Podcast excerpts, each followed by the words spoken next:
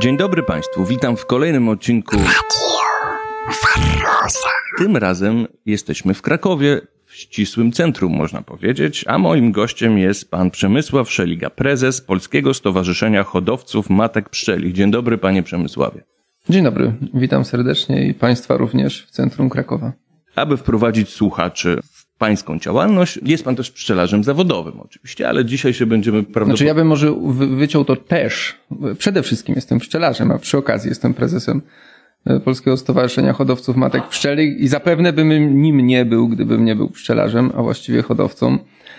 A no i pełnię jeszcze trochę innych funkcji też w innych organizacjach pszczelarskich, ale myślę, że kluczem, kluczem do tego wszystkiego jest to, że jestem pszczelarzem. I gdybym się miał tak zdefiniować, jak się, jak rano się budzę i wstaję z łóżka i, i miałbym powiedzieć, kim jestem, to bym powiedział, że jestem pszczelarzem. Rozumiem, czyli y, pszczelarstwo wypełnia prawie całe pana życie, można powiedzieć. Jeśli nie będą słuchać tego moje dzieci, y, to powiedziałbym, że całe moje życie. Natomiast jeżeli e, kiedyś to usłyszą, to powiem, że prawie całe moje życie, bo zostaje tam jakieś pół Okej, procenta. dzieci proszę nie słuchać. Dla dwóch, dla dwóch moich córek, ale to myślę, że jest już poza tematem dzisiejszego spotkania. Oczywiście, ale możemy zacząć jakby luźniej. Czy nie, ja nie będę ukrywał, że zdarza mi się często rano po przebudzeniu myśleć o pszczołach, więc jakby te owady są tak wciągające, prawda, że Ja mam gorzej, e, ale może przez to, że zajmuję się tym pewnie troszkę dłużej, e, bo już stuknęło grubo 20 lat. E, No niestety nie tylko rano, ale i w nocy.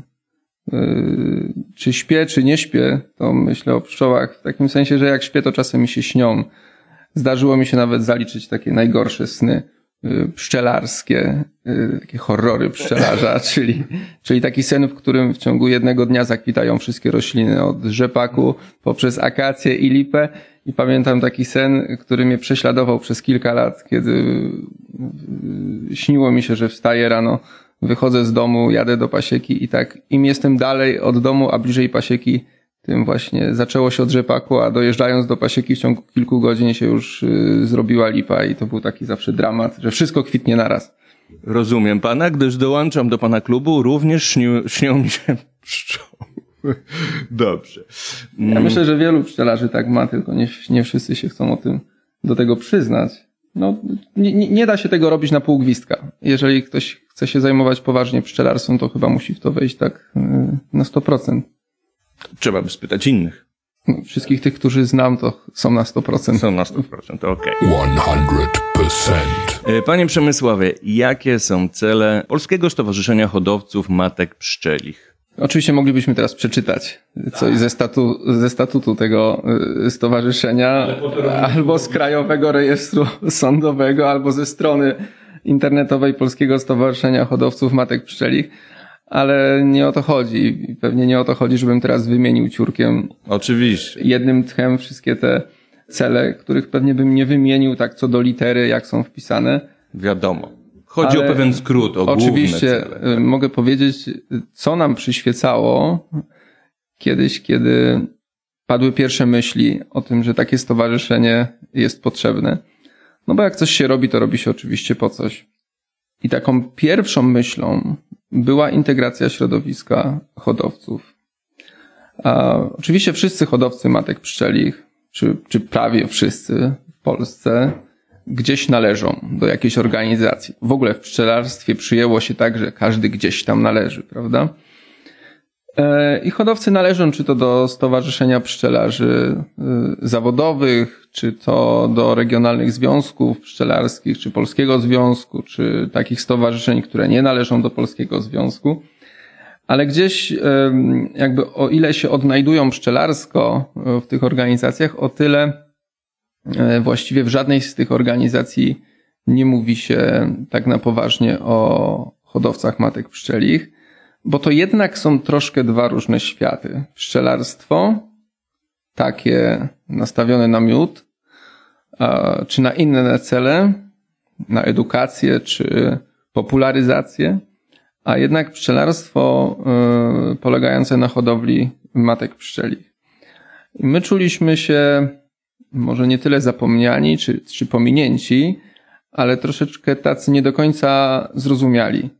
Te organizacje nie odzwierciedlały jakby naszych potrzeb i kilka lat temu doszliśmy do wniosku, że mm, jakby na, jest wspólny mianownik dla tych kilkudziesięciu osób, które zajmują się w Polsce hodowlą matek pszczelich, że taką, takie stowarzyszenie trzeba założyć. Co więcej, i to był taki główny cel, relacje między tymi e, hodowcami nie między wszystkimi są zawiązane.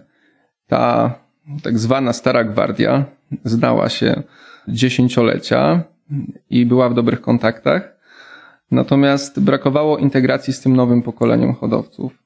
A znajomość, jakkolwiek by to nie zabrzmiało, bo niektórzy próbują nam wmówić, że słowo znajomość jest y, jakąś patologią, czy znajomości między ludźmi są patologią, bo się doszukuje jakichś patologicznych układów później, prawda? Czy, czy jakichś y, nieetycznych rozwiązań. To jest nonsensem moim zdaniem. Znajomości między hodowcami i to nie tylko w obrębie Polski, ale Europy czy całego świata są konieczne, bo my musimy się wymieniać doświadczeniami, ale musimy się też wymieniać materiałem bo cała jakby hodowla y, matek pszczelich polega na różnorodności i trudno jakby prowadzić hodowlę matek pszczelich w, taki, w takim wyizolowaniu od środowiska. Więc tym podstawowym celem było zintegrowanie y, hodowców matek pszczelich. I to myślę się już udaje. Kiedyś były takie spotkania w ramach Krajowego Centrum Hodowli Zwierząt.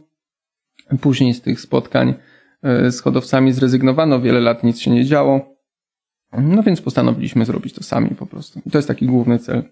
Rozumiem, czyli jest to młoda organizacja. To jest młoda organizacja. Ja też dokładnej daty nie powiem teraz z głowy. Musiałbym sprawdzić w KRS-ie, ale to jest kilka, kilka lat y, raptem. W opisie odcinka będzie link do, do, do, do tej strony, więc Jasne. każdy, no, kto na będzie pewno na, szczegółowo znaczy... ciekawy, to sobie sprawdzi. Oczywiście, że tak. Myślę, że to nie jest kluczowa informacja. Istotne jest, że jest to młoda organizacja. Um, no i oczywiście inne cele, które y, jakby wynikają z tego pierwszego, to jest y, chęć uczestniczenia w konsultacjach aktów prawnych, które dotyczą hodowli matek pszczelich na terenie Polski. Także posiadanie własnej organizacji pozwala hodowcom na oddziaływanie na te, e, na prawo, które jest w Polsce tworzone. Oczywiście to, to oddziaływanie, siła tego oddziaływania też y, jest dyskusyjna, bo to są często kwestie nie tylko merytoryczne, ale i polityczne, ale jakby nie, nie, nie, nie pozostaje to bez konsultacji z naszym y, środowiskiem hodowców. Także no też y, mieliśmy na celu, czy mamy, mamy cały czas na celu promocję tych linii i tych ras, które są w Polsce hodowane, bo na tym nam oczywiście zależy. To są dziesięciolecia pracy polskich y, hodowców i Oczywiście nam zależy na tym, żeby promować y, to, co y, jest efektem tej już kilkupokoleniowej pracy. Rozumiem, porozmawiamy sobie o tych y, pszczołach później. Natomiast teraz to, co już wynika trochę z tego, co Pan powiedział, czym różni się taki standardowy chów pszczół od hodowli matek pszczelich? Czy w ogóle od hodowli pszczół? No tak jak każdy chów od każdej hodowli. Ale może nie wszyscy to wiedzą. Oczywiście. Ja to czasem porównuję. Oczywiście jest to bardzo uproszczone yy, porównanie, ale znowu będzie o dzieciach. Yy, różni się to mniej więcej tak jak chowanie dzieci, a wychowywanie dzieci. Chowanie dzieci polega na tym, że im damy jeść, damy im pić, zapewnimy im dach nad głową. A wychowywanie polega na tym, że będziemy chcieli kształtować ich cechy. Oczywiście E, wychowywanie kształtuje cechy poprzez przykłady, nakazy, zakazy, wzorce i tak dalej, prawda? Tutaj hodowla pszczół polega na czymś innym, mianowicie na tym, że dobieramy e, do kojarzeń tak osobniki, że e, otrzymujemy później osobniki o określonych cechach. Czy, czy używamy innych narzędzi, selekcji i tak dalej, i tak dalej. Generalnie hodowla polega na stosowaniu mm, takich zabiegów, które będą mogły oddziaływać na genotyp. Czyli chcemy poprawiać y, genotyp, tak żeby później w chowie pszczół, pszczelarzom łatwiej się te pszczoły chowało, utrzymywało, prawda? Rozumiem. Czyli można powiedzieć innymi słowami, że y, pełnią Państwo rolę służebną wobec standardowego chowu pszczół? No jeżeli słowo służebna nie, nie jest, służebne nie jest zbyt górnolotne, to może trochę archaiczne, to prawda, ale ładnie brzmi. Ale w archaizmach chyba nie ma niczego złego, jeżeli używamy ich z umiarem. Myślę, że podobnie jak, nie wiem, ze słowami zaczerpniętymi z innych języków też y, nie ma nic złego. To jak, jak i z, neolog, z neologizmami, prawda? W pełni się zgadzam. Wszystko musi mieć swój umiar. Także mm, ja nie lubię tego określenia, że, y, że służebną. Bardziej używam słowa usługową. Bo, ale to może dlatego, że. To miałem na myśli. Świetnie. nie, nie, nie ma nic złego w służebności. E, chyba, że ktoś ją panu wpisze do księgi wieczystej na rzecz kogoś innego. To wtedy się zaczyna problem robić. Natomiast tak zupełnie, e, zupełnie serio. Ja, dlaczego wolę używać słowa usługowa? Dlatego, że to troszeczkę e, jakby sprowadza na ziemię niektórych hodowców.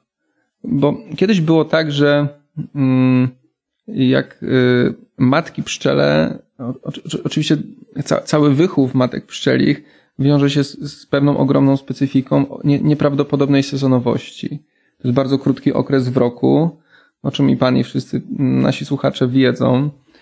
Może nie wszyscy, bo tak jak mówię, troszeczkę interdyscyplinarnie podchodzę, więc zapewne słuchają mnie ludzie po prostu zainteresowani miłośnicy owadów, czy zainteresowani ogólnie przyrodą. Okej, okay. to yy, wyjaśnienie dla niepszczelarzy.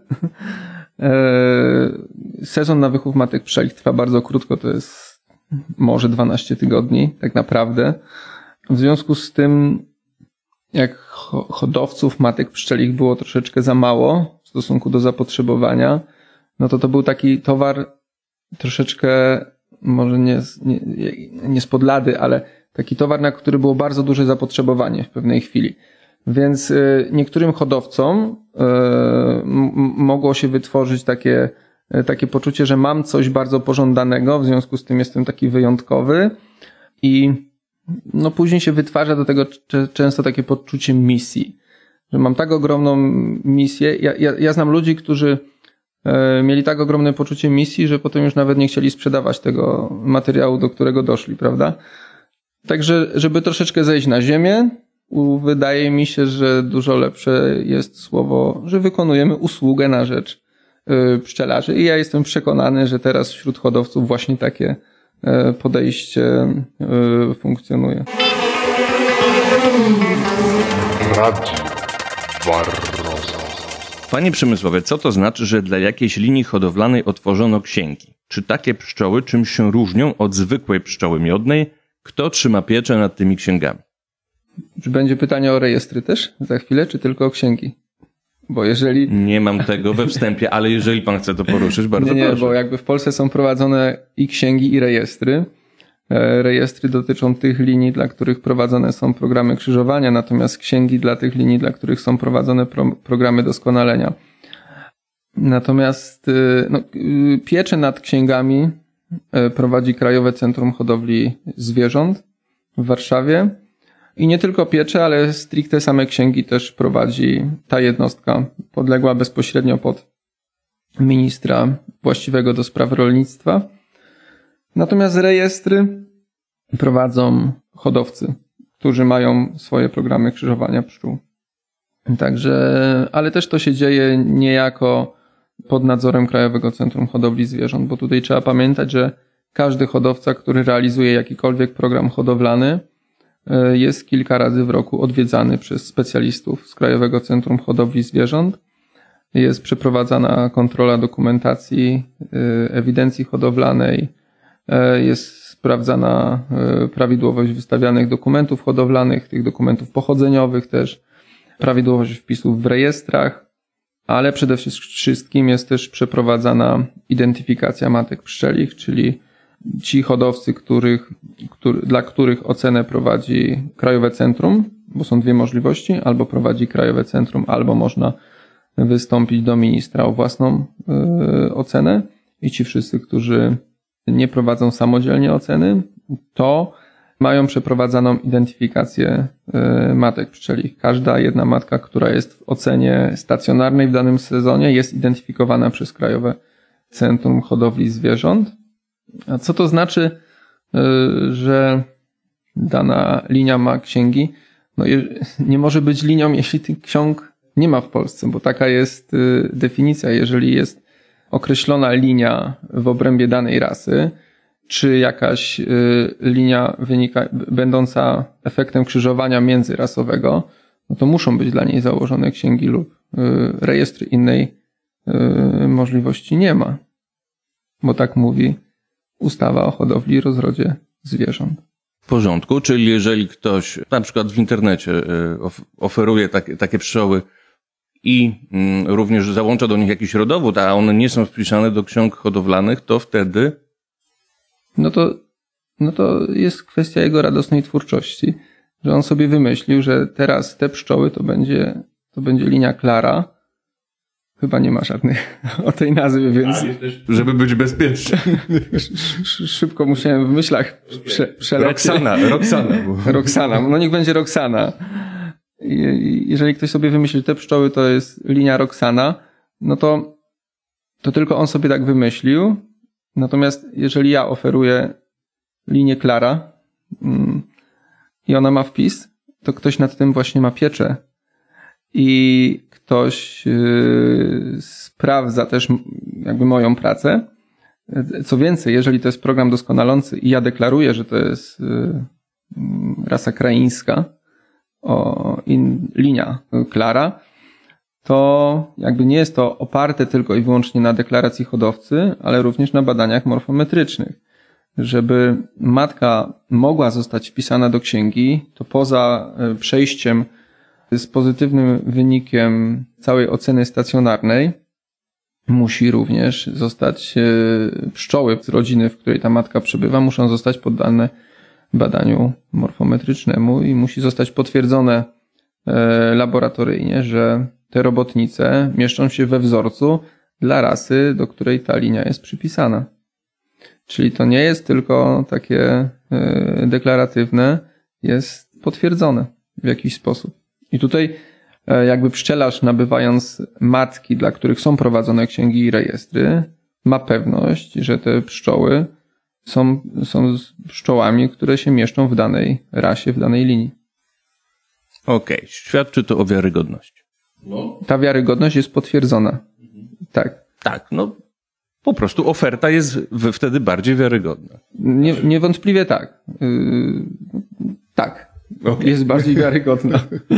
To no nie wiem, do, do, do, do czego moglibyśmy to porównać. No to jest dokładnie tak jak, jak, jak z innymi zwierzę, zwierzętami, jak z psami, prawda, które y, można kupić z rodowodem, z hodowli, która jest pod jakimś nadzorem, u psów to troszeczkę inaczej wygląda z tego, co się orientuje, niż, niż u pszczół.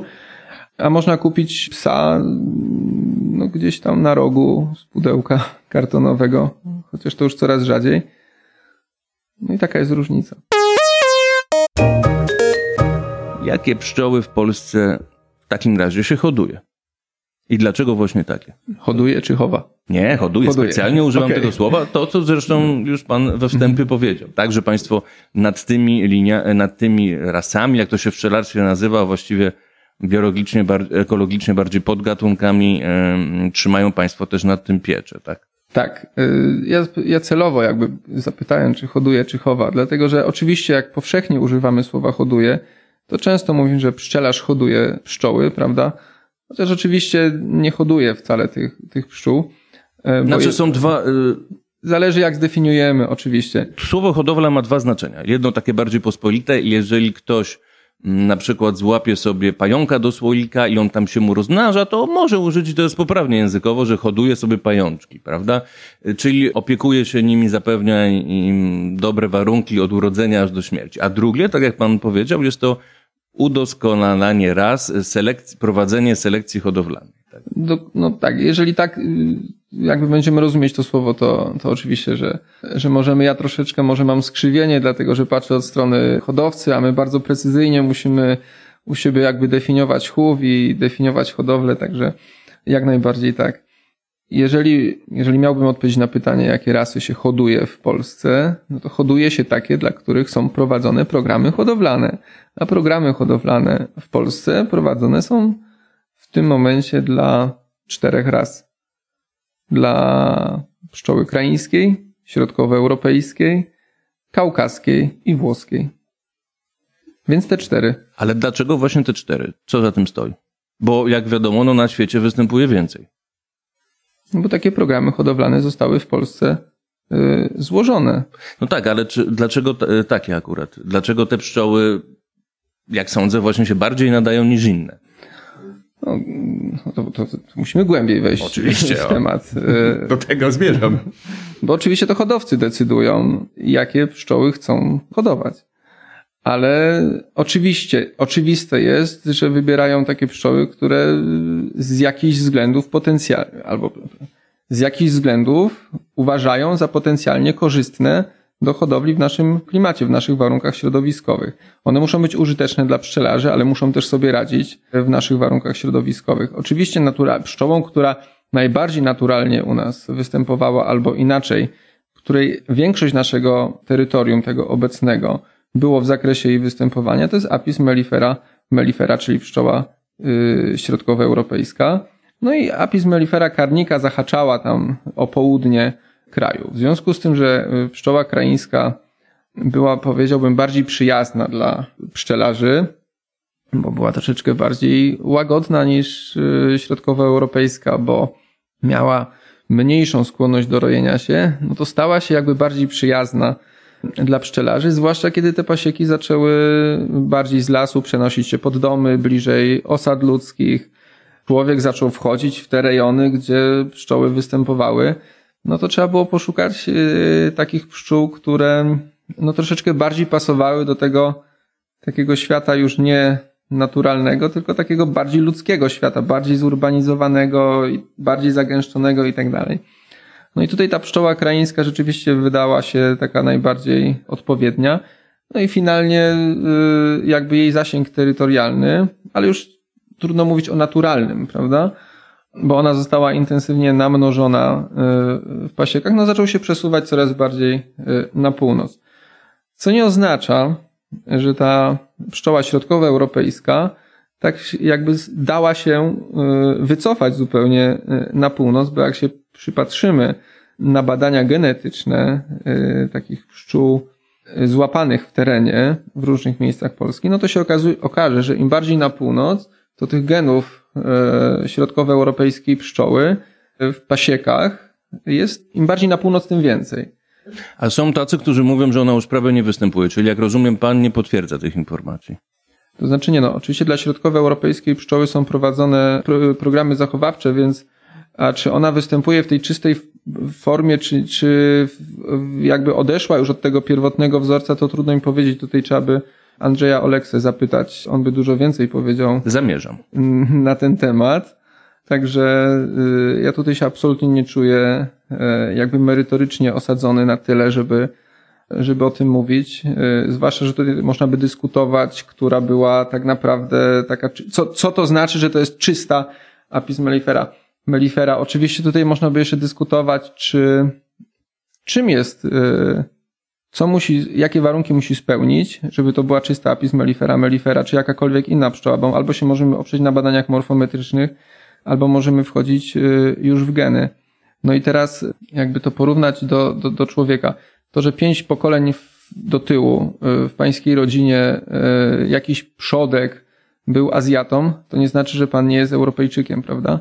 A będą w panu jakieś geny azjatyckie, ale nie będzie się to ujawniało już po tylu pokoleniach, nie wiem, w pańskim kształcie oczu, kolorze skóry i tak dalej, i tak dalej. Y, No i tutaj jest bardzo podobnie.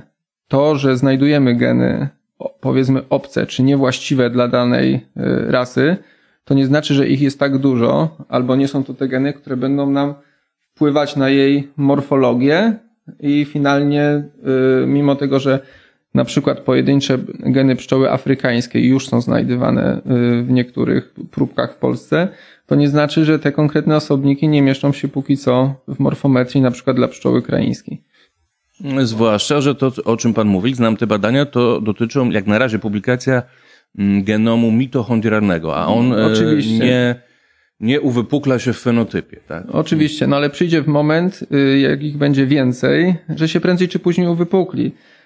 Tak W jest. fenotypie oczywiście, także no ale jakby mówię to po to, żeby, no żeby przybliżyć jakby ten temat naszym, Bardzo e, dobrze. naszym słuchaczom. No więc mamy te dwie rasy, kraińska i środkowoeuropejska. Do tego doszła włoska i kaukaska, która miała, miały poprawić y, jakby wartość użytkową. Z kaukaską to chyba wszyscy znają historię. Nie poprawiła według pana? Są jej gorący zwolennicy, tak? I dobrze, niech, niech będą zwolennicy wszystkiego, byleby to robić jakby w granicach y, rozsądku. Ja nie, nie uważam, że tutaj jakaś, tak jakiś, y, jest czasem taka atmosfera antagonizmu, y, czy, czy buduje się może niepotrzebnie taką atmosferę antagonizmu między hodowcami poszczególnych ras pszczół. I powiem szczerze, że to jest chyba troszeczkę jednak e, nadmuchane i może tak w przestrzeni publicznej, pszczelarskiej odbierane, ale ja znam hodowców ligustyki w Polsce i znam hodowców Kaukazów i środkowoeuropejskiej i, i, się, i, i nie ma takich antagonizmów. Tym bardziej, że są też przecież popularne linie krzyżownicze, no i przecież jeżeli ktoś chce taką linię prowadzić, no to potrzebuje właśnie i jednych i drugich wtedy, jak rozumiem hodowców, tak? Jeżeli jest to krzyżówka między, międzyrasowa, czy właściwie między podgatunkowa, bo słusznie pan wcześniej powiedział, że tak naprawdę te rasy, to co my nazywamy rasami, nie do końca y, tak naprawdę jest rasą, oczy- y, albo inaczej od strony biologicznej, ba, rzeczywiście jest podgatunkiem i tak naprawdę powinniśmy używać słowa podgatunek. Tak, jest to mylące, bo to nie odpowiada na przykład temu, czym jest e, Doberman czy owczarek niemiecki. Dokładnie tak, dokładnie. Ale myślę, że y, tak jak i z tą hodowlą, troszeczkę możemy używać y, takich określeń, które będą w miarę zrozumiałe dla, dla pszczelarzy, czy wszystkich tych niepszczelarzy, którzy nas, mm, którzy nas słuchają. Oczywiście, że krzyżownicy, czy tak zwani krzyżownicy, ci, którzy mają programy krzyżowania, to jakby w naszym slangu hodowców nazywani są y, Krzyżownikami. Dobrze, że nie krzyżakami. nie, krzyżakami nie. Ale właśnie teraz sobie uświadomiłem, y, że nie mamy określenia na tych, którzy mają programy doskonalące, jakby ich nazwać, że są doskonali już. Nie, chyba jeszcze nie. To było dosyć, dosyć mocne. To byłoby bardzo mocne. Nie, bo w programie doskonalącym też trzeba cały czas pracować nad pszczołami, także. Proces to jest nieustający proces, tak? No i to jest piękne. y, Nieustający proces, często na wiele pokoleń zresztą. Chociaż teraz dzięki inseminacji to już to troszeczkę szybciej idzie i można to znacznie przyspieszyć. Ale odeszliśmy od y, wątku chyba głównego. Chodziło, no, wspomniał Pan o antagonizmach, ja wspomniałem, że czasami no, byłyby one niepotrzebne, bo przecież jeżeli to na przykład ci krzyżownicy potrzebują i jednych i drugich, tak? Poza tym często występ, w chowie y, wykorzystuje się efekt heterozji, a do tego są też potrzebne. y, W hodowli też, w hodowli też wykorzystuje się efekt heterozji albo No jeżeli właściwie- ktoś chciałby ch- wykorzystać y, do tego linię kaukaską, no to potrzebuje hodowcy linii kaukaskiej. Tak, tak, oczywiście. Oczywiście krzyżownicy nie, nie poradziliby sobie, nie, nie mieliby z czego krzyżować, gdyby nie utrzymywanie tych czystych linii, prawda? No bo w efekcie heterozji oczywiście chodzi o to, żebyśmy uzyskali konkretne i to w dodatku bardzo nasilone cechy. I to jest troszeczkę tak, ja to porównuję do kolorów. Żeby uzyskać ładny, jakiś ciekawy, nowy kolor, to trzeba mieć najpierw w tych pudełeczkach, czy w tych słoiczkach czyste farby. Jasny, konkretny, nie, niebieski. Ja się nie znam na kolorach, bo generalnie rozróżniam ładny i brzydki, jak podobno większość mężczyzn w tym kraju. Ale żeby mieszać kolorami, to trzeba mieć co mieszać. Więc musimy mieć czerwony, musimy mieć niebieski, biały, żółty, zielony i tak dalej, i tak dalej. I dopiero z tego i ktoś musi utrzymywać, ktoś musi odpowiadać za to, żeby w tych słoiczkach były, była czysta farba. Bo po pierwsze jest szansa na to, że jak coś z czymś pomieszamy, to uzyskamy coś e, ciekawego. Co więcej, wiemy zawsze, że jak pomieszamy biały z czarnym, to uzyskamy szary. Natomiast jak pomieszamy wszystko ze wszystkim, to się może okazać, że w pewnym momencie w słoiczkach jest wszędzie tylko szary kolor. I mieszanie, tylko że jeden szary będzie zbudowany z dwóch różnych kolorów o różnej proporcji, inny szary będzie zbudowany z dziesięciu różnych kolorów o różnych proporcjach. Jak to znowu ten szary z tym szarym zmieszamy, to się nagle okaże, że szary plus szary nie da nam wcale szarego, bo tam pod tym szarym siedzą bardzo różne kolory. Tak jest w genetyce. No i może się okazać, że coś wyjdzie potem z tych dwóch szarych, raz wyjdzie czerwone, a raz wyjdzie zielone. No dobrze, i została nam e, pszczoła e, w Polsce e, umożliwiona do hodowli, e, zaakceptowana do hodowli pszczoła podgatunku włoskiego. Z tego, co się orientuję, ona najpóźniej została zarejestrowana. Dlaczego właśnie ona? To znaczy najpóźniej została zarejestrowana. Nie ma jakiegoś katalogu ras, któ- które można hodować i nie można hodować. To zależy od hodowcy. Po prostu przez wiele lat żaden hodowca nie złożył programu hodowlanego dla ligustiki. I Okej, nie ma żadnych ograniczeń, no. Znaczy, bo myślałem, że tylko tych podgatunków, które wymieniliśmy, można, e, dla nich tylko można otwierać księgi. Czyli jeżeli ktoś by chciał otworzyć dla pszczoły cypryjki czy egipskiej, to by mu się nie udało. Czy, mi się, czy się mylę? I tak, i nie. A, czy by mu się udało, nie wiem, wątpię. Natomiast do tej pory opieraliśmy się na, i uważam, że nadal powinniśmy się opierać na czymś takim, co się nazywa Krajowy Program Hodowlany. Jakby nikt do tej pory tak naprawdę nie wychodził poza ten program. On był opracowywany, jest opracowywany nadal przez Krajowe Centrum Hodowli y, Zwierząt i w tym programie hodowlanym wymienione są te cztery rasy. Natomiast on nie jest jakby, on jest dodatkiem do ustawy e, o hodowli, e, o hodowli i rozrodzie zwierząt, także stricte ustawa nie określa, którymi podgatunkami, które podgatunki można hodować, a których nie można hodować. Oczywiście dla tych czterech mamy określone wzorce, więc to jakby wyjście poza te cztery, poza grupę tych czterech nie byłoby proste, bo należałoby określić wzorzec, no bo jeżeli ktoś by sobie chciał hodować jakiś podgatunek, który w Polsce do tej pory nie jest hodowany, no musiałaby zostać, musiałby, musiałaby zostać stworzona metoda, która by pozwoliła na y, zakwalifikowanie później tych osobników do tego podgatunku. No w tym momencie uznawana jest y, metoda polegająca na badaniu użyłkowania skrzydeł. No trzeba by stworzyć y, wzorzec dla, dla tamtej. Nie wiem, czy to by było takie proste.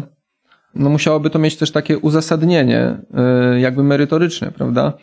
Bo to czy- oczywiście, odkąd jesteśmy wolnym krajem, to wszystko to, co nie jest zabronione wprost przepisami, jest dozwolone, prawda? Natomiast to, że coś wolno, to jeszcze nie znaczy, że coś się powinno robić, czy że to ma sens. Także ja bym odpowiedział w ten sposób. Prawo wprost tego nie zabrania, natomiast też w przypadku wyjścia poza te cztery rasy, z którymi mamy już doświadczenie i przetarte ścieżki, mogłoby nie być takie proste, a mogłoby się z jakichś względów na jakimś etapie okazać y, niemożliwe. Także y, no, krzyżownikom jest o wiele prościej, bo mają y, do dyspozycji te, te linie, które już mają założone księgi i korzystają z tych komponentów. Y, Natomiast no ja nie znam tak naprawdę też hodowcy, który y, chciałby wprowadzać coś takiego zupełnie obcego, bo Po, powiedziałem to troszeczkę na zasadzie kontrastu, dlaczego mm, na przykład pszczoła włoska, czyli Pan odpowiedź wskazuje na to, że to się stało niejako oddolnie. Po prostu pszcze, Tak. hodowcy chcieli taką pszczołę, pszczelarze chcieli taką pszczołę, no to ktoś wpadł Oczywiście, na pomysł, żeby to wynikało hodować, z tak? potrzeb. To wynikało z potrzeb. Natomiast rzeczywiście bardzo wiele lat, e, bardzo wiele lat ta, tego programu hodowlanego żadnego dla ligustiki nie było. Ja osobiście uważam, że mogłoby go dalej nie być. Okej. Ale to nie, nie, nie chciałbym być źle zrozumiany, że jakby dyskredytuję ten konkretny program. Akurat tu sytuacja jest trudna, bo jest tylko jeden, więc jakbym tego nie ubrał w słowa, to będzie wiadomo, o który program y, hodowlany chodzi. Ja go absolutnie nie y, dyskredytuję. Po prostu jakby mm, moja, mo, moja filozofia jako hodowcy, czy moje poglądy jako hodowcy są bliższe lokalnym populacjom i uważam, że e, jakby pewne bariery geograficzne, które są na świecie, które uniemożliwiały krzyżowanie się między pewnymi gatunkami, podgatunkami pszczół, są po coś. Albo mm, może troszeczkę inaczej, że te bariery właśnie doprowadziły do wytworzenia pewnych podgatunków, bo pewnie to było w drugą stronę. I ja nie wiem, czy to jest dobrze, żeby wszystko ze wszystkim mieszać. To znaczy inaczej, no moja filozofia mówi, że to nie jest dobrze. Czyli jest pan zwolennikiem e, lokalnych podgatunków, e, lokalnych linii, tak? Generalnie można by powiedzieć, upraszczając lokalnej pszczoły. Tak, uważam, że to jest w ogóle przyszłość. Okej. Okay. Pewnie chodzi o bezpieczeństwo na przykład ekologiczne, tak? Też... No tak, oczywiście, że chodzi o bezpieczeństwo ekologiczne i chodzi o pewną specyfikę pszczoły, która ma skrzydła, ale nie ma rogów. I na tych rogach nie można założyć łańcucha, tak jak krowie kiedyś. Nie ma też możliwości, żeby ona została zamknięta w pastuchu elektrycznym albo w oborze. No tak, to odróżnia hodowlę pszczół od właśnie hodowli krów czy To utrudnia, świn, tak? to nieprawdopodobnie utrudnia, dlatego że dochodzi aspekt, o którym często zapominamy, a mianowicie odpowiedzialność. Każdy jeden pszczelarz w jakimś sensie jest też hodowcą, w tym rozumieniu, które ja mam w swojej głowie i które jest z definicji ustawy, bo wprowadza wiadomo, że w swojej pasiece te, te, pszczoły, które mu nie odpowiadają, to likwiduje, wprowadza tam inne, czasem wyhoduje jakieś matki dla siebie, ale wpływa też na populację pszczół w całej okolicy, bo czy chce, czy nie chce, to hoduje trudnie. I to nas odróżnia od tutaj mm, hodowców innych zwierząt. Także wszyscy tak naprawdę ponosimy odpowiedzialność za stan populacji pszczół y, w Polsce, bo to przenikanie się y, między pasiekami to nie jest tylko kwestia chorób, ale to jest przede wszystkim kwestia y, genów. Dlatego naprawdę 10 razy bym się zastanowił, zanim przywi- przywiózłbym coś w kieszeni marynarki z odległej części świata.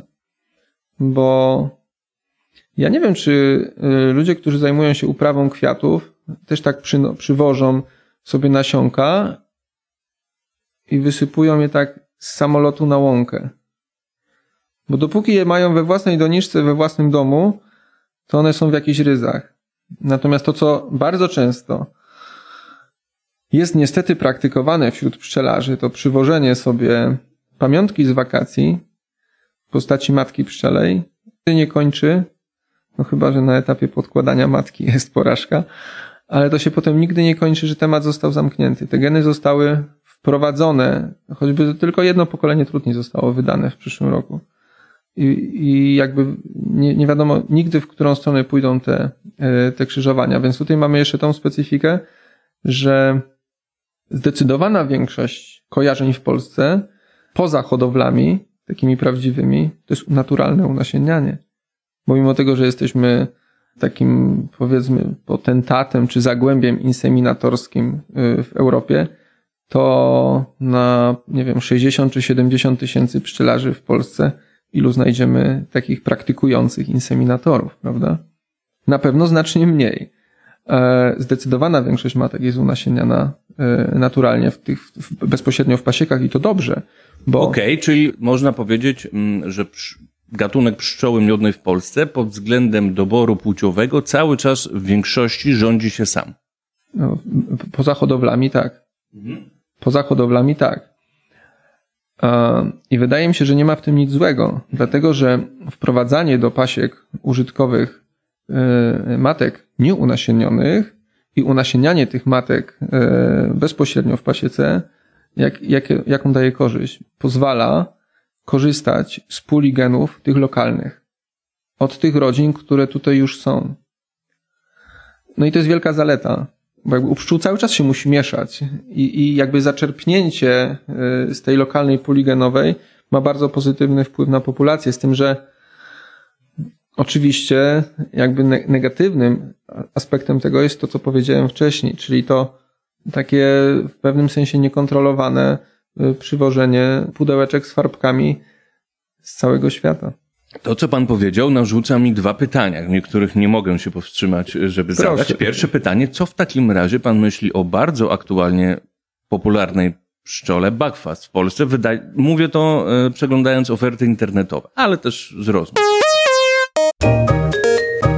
Co ja mogę myśleć? No trudno mi powiedzieć, znaczy mogę myśleć albo w aspekcie teoretycznym, albo w aspekcie e, e, etycznym, czy w aspekcie prawnym, bo mm, nie mam jakby użytkowego doświadczenia z tą pszczołą e, swoją, znaczy hodowlę, której jestem właścicielem, prowadzimy na pszczole kraińskiej. Także absolutnie żadnego, żadnych innych pszczół tam y, swój, w swój obręb nie wprowadzamy, mimo tego, że oczywiście do hodowli używamy tylko i wyłącznie inseminacji, bo musimy mieć kontrolowane unasienniania. Oczywiście jeśli chodzi o trutowiska, to w Polsce jakby temat, y, na, nawet te, które są inaczej, jeżeli te, które są, nawet jeżeli są szczelne, to jest ich za mało i Ale chyba nie są szczelne. One raczej są, y, ich przeznaczeniem jest raczej jednak pszczoła użytkowa, tak? Tego, co się Pewnie tak. Y, No pewnie ci, którzy mają te trutowiska twierdzą, że, że są szczelne i na czymś się trzeba opierać pewnie na ich deklaracjach. No i trudno mi to jakby podważać, bo oczywiście mm, to nie jest takie proste też. Y, Umówmy się, że jeżeli de- deklarują, że są szczelne, to są szczelne. Ale nawet jeżeli są szczelne, to y, właściwie możliwość prowadzenia hodowli w dwóch miejscach w Polsce byłaby nie, niemożliwa, bo mielibyśmy za małą pulę strony ojcowskiej, prawda? Przecież to nie jest tak na trutowisku, że co tydzień możemy zmienić y, pulę, y, ojcowską pulę trutni, prawda? No w ogóle sezon też to ogranicza No czasowo. tak, sezon ogranicza długość życia tych trutni i tak dalej, to mamy tych ograniczeń tak dużo. Rodzina przecież nie produkuje trup, trutni od lutego do tam, nie wiem, listopada. Chociaż No, oczy... chociaż wie pan co, jak y, czasem, czasem dostanę jakiś link do, y, do Facebooka i, i, i- i coś tam mi się zdarzy przeczytać, chociaż staram się tego y, unikać, bo albo się to kończy bólem brzucha ze śmiechu, albo y, jakby kolejnym centymetrem kwadratowym na głowie bez, wło- bez włosów, bo no, naprawdę to się okazuje, że chyba niektórzy mają w Polsce trudnie od lutego do listopada. Bo rzeczywiście z tych niestworzonych historii, które można tam wyczytać, czasem to wynika, albo z terminów, kiedy niektórzy próbują matki oferować też na rynku, no wynika, że one mają zdolność do oblotów od marca do, do listopada. Proszę, pan się śmieje, bo może pan tego nie czyta, ale proszę, Czasami czytam. proszę spróbować. Um, także i jakby, ale wracając do meritum, jeśli chodzi o, o pszczołę bakwas, no mm, bakwas jest pewnym modelem hodowlanym. Yy, Nie jest rasą. Mm, Polega właściwie na, mm, na tym, żeby yy, i dobrze, żeby uzyskiwać efekt heterozji poprzez jakby wielokrotne krzyżowania bardzo odległych często od siebie genetycznie populacji. I uważam, że dopóki jest robiony w sposób absolutnie kontrolowany, to może być bardzo przydatny. Tylko, że w Polsce nie jest robiony w sposób kontrolowany. Jeżeli ktoś komuś sprzedaje bakwasta i jest to matka nieunasienniona, to jak zostanie unasienniona, to tak naprawdę już nie bardzo staje się bakwastem, prawda? Więc ktoś kogoś robi w balona, powiedzielibyśmy y, językiem potocznym. Bo jeżeli ma być uzyskany konkretny efekt heterozji, to musimy użyć albo, no musimy użyć kontrolowanego unasienniania, czyli albo jakiejś yy, wyizolowanej dolinki, albo wyspy. Z jednym i z drugim mamy problem trochę w Polsce. No a jak nie, no to użyć igły i zainseminować. No i tu nam się, tu powstaje problem. Dlatego, że do inseminacji, czyli do Inaczej, do rozrodu takiego kontrolowanego, zgodnie z definicją y, ustawy, możemy używać tylko i wyłącznie trudni, trutni, które pochodzą od matek, które zostały wpisane do ksiąg lub rejestrów, lub od ich córek. No i tutaj zaczyna się problem. Tak naprawdę każdy, każdy w tym kraju, kto używa do inseminacji matek pszczelich, czy w ogóle do y, kontrolowanego rozrodu, czyli wystawiłby na trutowisko, trutni, które nie pochodzą od, y, które nie, trutni, które nie są, nie pochodzą od matek wpisanych do ksiąg lub rejestrów lub ich córek, podlega karze grzywny. No, a naturalnym, a przy naturalnym unasienianiu jakby nie ma tych ograniczeń, więc wszyscy ci, którzy uważają się za hodowców bakwasta, chociaż ja nie chcę nikogo obrażać, ale mm, większość y, albo prawie wszystko to, co jest, to są tak naprawdę pseudo hodowle, albo takie miejsca, które naprawdę z hodowlą nie mają nic wspólnego. Wykorzystują naturalne unasiennianie i w ten sposób jakby no, uciekają przed tą odpowiedzialnością, która wynika z przepisów prawa, ale w ten sposób trochę robią balona swoich odbiorców, czy klientów, czy, czy pszczelarzy, prawda? Tak naprawdę w Polsce robi się reprodukcję e, bakwasta. A w tym modelu hodowlanym nie chodzi tylko o reprodukcję, tylko chodzi o prowadzenie hodowli. Niech ktoś zacznie robić pracę hodowlaną. Tylko, że nie zrobi tego z jednej prostej przyczyny. Nie, nie jest w stanie określić wzorca dla tej rasy, bo to nie jest rasa. Rozumiem. Zadałem to pytanie też dlatego, że wspomniał Pan o tym no, niekontrolowanym sprowadzaniu, tak? Że byłby Pan ostrożny na przykład z powodów bezpieczeństwa ekologicznego. No a jak wiemy, e, pszczole bakwast, przynajmniej w tej oryginalnej, no są różne geny, bo na tym przecież ona polega, również afrykańskie. I troszeczkę to pytanie też do tego zmierzało, tak? Czy... No oczywiście, no dopóki ona sobie tam siedziała na wyspie w Wielkiej Brytanii, tam gdzie się to wszystko zaczęło, no to było wszystko e, fajnie, można powiedzieć, prawda? No, z naszego punktu widzenia. No, z naszego punktu widzenia, bo nie było u nas. W takim kraju jak nasz, gdzie to napszczelenie jest bardzo duże, gdzie nasycenie trudnie jest duże, gdzie, gdzie brak tych miejsc takich y, wyizolowanych, trzeba o wiele bardziej ostrożnie podchodzić do takich, y, mam nadzieję, że się nikt nie obrazi, wynalazków. Dlatego, że no one powodują właśnie to, że później w tych słoiczkach jest tylko szara farba. Ja mówię zawsze tak.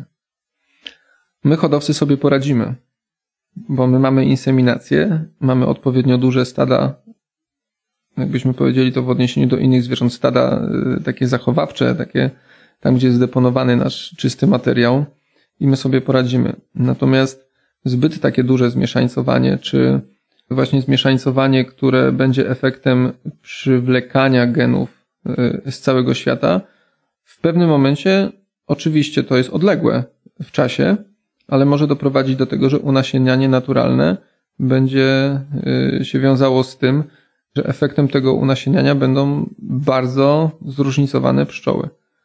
I mimo tego, że matki będą pochodziły od jednej matki, to po unasienieniu będą dawały potomstwo, które będzie bardzo zróżnicowane. Nieprzewidywalne.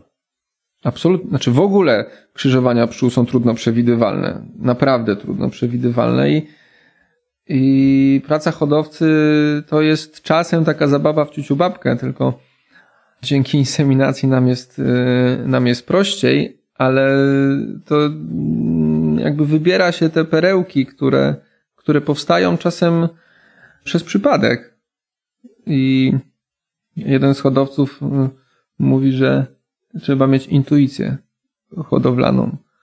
No i coś w tym jest. Trzeba mieć troszkę intuicji i troszkę szczęścia żeby się te perełki tam zaczęły nam pokazywać. Rozumiem. Także y, tutaj problem tego, tego bakwasta jest, y, jest taki, że rzeczywiście wprowadza nam y, obce geny. Tutaj wszyscy zwolennicy jakby tego tematu też używają takich argumentów, no, że jest wolność, więc jest swoboda przepływu towarów i usług, można wszystko przewozić e, w lewo Na i w terenie Unii Europejskiej, bo spoza Unii, jeśli chodzi o matki, to są ograniczenia, z tego co się orientuję. Znaczy w ogóle i w obrębie Unii też są ograniczenia, bo jednak to są zwierzęta i obowiązują nas pewne procedury weterynaryjne, proszę tak, o tak, tym nie zapominać. Nie, no weteryjne, weterynaryjne, oczywiście miałem na myśli takie ograniczenia e, właśnie z tego, yy, odnoszące się do linii konkretnych czy podgatunku. To w obrębie Unii Europejskiej tak naprawdę y, mamy absolutną swobodę przepływu towarów i usług. Pszczoły też są towarem i tutaj nie da się wprowadzić jakby ograniczenia poza pewnymi lokalnymi ograniczeniami, gdzie sejmiki samorządu województwa mogą wprowadzać ograniczenia w utrzymywaniu pszczół dla konkretnej w tym obszarze, ale no to jest jakby odrębna historia. Y, generalnie w obrębie Unii możemy, z tym, że proszę nie zapominać o tym, że cały czas podlega to y, pewnym jednak procedurom weterynaryjnym. A mm, to, co się dzieje jakby w realu, świadczy o tym, że jednak te, te procedury weterynaryjne są pomijane. Bo jakby się zapytać przeciętnego y, kolekcjonera, bo tak często nazywam y, ludzi, którzy nawet nie tylko przywożą dla siebie, ale oferują po kilka czy kilkanaście różnych linii, to trudno mi. Z jednej pasieki. Oczywiście, z jednej pasieki. ukształtowało się takie określenie kolekcjoner, bo rzeczywiście to, to zaczyna przypominać kogoś, kto po prostu kolekcjonuje sobie na półce te, te matki tak dzisiaj weźmie z tych, hoduje, jutro weźmie z tej i hoduje. Ja już abstrahuję od tego, że praktycznie nie da się prowadzić wychowu w takiej pasiece, w której jest kilkanaście linii i mm, naprawdę chciałbym wierzyć w dobre intencje tych osób, ale, ale jest mi trudno w to uwierzyć, bo wiem, y, jak trudne jest to organizacyjnie. Um, już nie wspominając o prowadzeniu jakiejkolwiek pracy hodowlanej, bo ona jest po prostu niemożliwa. Także tutaj też yy, należałoby z wielką dozą ostrożności podchodzić do kogoś, kto oferuje kilkanaście różnych raz. No gdybyśmy to mieli odnieść do psów, to ja sobie nie wyobrażam sytuacji, w której chociaż psy naprawdę dużo łatwiej od siebie rozdzielić, ale jak ktoś może hodować, nie wiem, owczarki niemieckie, jamniki, nie wiem, ciułałę i jeszcze coś innego, to jest przecież niemożliwe, zwłaszcza, że każda z tych ras też cechuje się, yy, jakby inny, cechuje cechami, wyszło masło maślane, yy, jakby ma inne cechy i z każdą rasą, i dotyczy to też pszczół, trzeba się bardzo dobrze zapoznać. Każdą z nich się użytkuje troszeczkę inaczej i tutaj hodowca, żeby być dobrym hodowcą, musi naprawdę tego swojego partnera nie tylko pokochać, ale i też bardzo dobrze poznać. I tutaj to jest mm, niestety po prostu niemożliwe. Coś tu nie gra. Nie układa się to w całość. Nie wiem tak naprawdę, mm, podejrzewam, że chodzi jakby w pewnym momencie już nie tyle o model hodowlany, co o model marketingowy, czy o model y, sprzedażowy. No i to taka smutna y, rzeczywistość, ale mm, y, ja głęboko wierzę w to, że rynek wiele rzeczy jest w stanie zweryfikować. I tutaj myślę, że bardzo ważna jest świadomość pszczelarzy. Jeżeli ktoś chce mieć pszczołę kaukaską, niech sięga do takiej pasieki hodowlanej, która się specjalizuje w pszczole kaukaskiej. Ktoś chce mieć kraińską, niech sięga do pasieki, która specjalizuje się w kraince. Jeżeli ktoś, e, komuś odpowiada konkretna linia, niech zaopatruje się tam, gdzie ta linia powstała, u tego hodowcy, który ją stworzył, czy hodowcy, którego dziadek czy ojciec stworzył tą, tą linię, prawda? Dlaczego sięgać do pośrednika, prawda? Który tylko zajmuje się reprodukcją i tak naprawdę czerpie korzyści z czyjejś wieloletniej pracy. Tutaj w ogóle jakby y, zahaczyłem o temat, który jest nierozwiązany w Polsce, bo tak naprawdę e, jeżeli ja mam konkretną linię, której poświęciłem ileś lat e, swojego życia, żeby ją doprowadzić do takiego stanu, w jakim jest i sprzedaję materiał reprodukcyjny, to jest pytanie, czy on nie powinien być sprzedawany jednak na zasadzie licencji, tak jak z filmem. Sprzedaję e, film, który każdy może sobie w domu obejrzeć, ale jeżeli chce go wyświetlić w kinie, to musi uzyskać ode mnie licencję na wyświetlanie tego filmu, dlatego że zaczyna na nim zarabiać. A z matkami pszczelimi, mimo tego, że sprzedajemy komuś e, też dobra niematerialne, tak nie jest. Nie, nie ma żadnej ochrony. Jakby każdy, kto kupi ode mnie matkę reprodukcyjną, może później sprzedawać i czy to jest dobrze, czy źle? No trzeba by się zastanowić. Cena materiału reprodukcyjnego w Polsce jest mm, nieadekwatnie do kosztów niska. Rozumiem. Y, w cenie nie zawiera się ta gratyfikacja, która byłaby, gdyby, była, gdyby to było licencjonowanie. To nie odpowiada tej sumie, No tak? nie, no zupełnie. No jeżeli matka reprodukcyjna w Polsce ma równowartość 10 czy 15 matek jednodniowych, a jest matrycą tak naprawdę, z której można e, wyhodować znacznie więcej, no to jest pytanie, czy w, czy w innej branży jest, jest pan w stanie kupić matrycę, nie wiem, do produkcji noża kuchennego w cenie 10 sztuk noży kupionych w supermarkecie? No chyba nie. No i tutaj też trzeba by się zastanowić, czy ta sztanca, a przecież taka matka reprodukcyjna jest najzwyklejszą w świecie sztancą do odbijania kolejnych sztuk, po pierwsze, czy powinna być taka tania, a po drugie, czy może nie powinna być jednak sprzedawana na zasadzie licencji do prywatnego użytku ok, bo my, nam też hodowcom zależy na poprawie pogłowia. I wydaje mi się, że taki najbardziej uczciwy byłby model właśnie y, z licencją. Kupujesz na swoje potrzeby, do swojej pasieki, proszę bardzo. Zaczynasz sprzedawać, czerpać korzyści z mojej pracy, należy się podzielić z tym, który, z tym twórcą, który to yy, stworzył. Tak, zgadzam, zgadzam się, natomiast wymagałoby to większego uporządkowania, bo jeśli tylko to zostałoby zmienione, co pan wskazał, to biorąc pod uwagę tę e, swobodę przepływu towarów i usług, no to ktoś by mógł stwierdzić, okay, tutaj to jest licencja, to mi się nie opłaca, no to ściągam za granicę. No nie, no jasne, to w ogóle ja uważam, yy, nie, nie, no w tym momencie yy, to, o czym powiedziałem, jest zupełnie yy, abstrakcyjne. Znaczy, może nie pomysł jest abstrakcyjny, ale w tych realiach wdrożenie go byłoby abstrakcyjne i jakby poruszyłem tylko jeden, yy, jeden aspekt, ale oczywiście, że tutaj uporządkowania wymagałoby yy, znacznie więcej rzeczy ale zanim to uporządkujemy, to myślę, że wymaga to takiej rzetelnej dyskusji i myślę, że dobrze, że poruszamy takie y, tematy, bo rzadko się o tym mówi. To znaczy, my hodowcy bardzo często o tym rozmawiamy, ale szerzej w środowisku pszczelarskim y, taka dyskusja nie jest, nie jest prowadzona. Zgadzam się. Dialog, który zaczyna się od wzajemnego zrozumienia, no jest podstawą po prostu takiego społeczeństwa otwartego, można powiedzieć. Tak? No tak, ja myślę, że tutaj to wzajemne y, zrozumienie jest bardzo ważne. Wtedy byśmy nie spotykali się z takimi sytuacjami, o których gdzieś tam czytałem.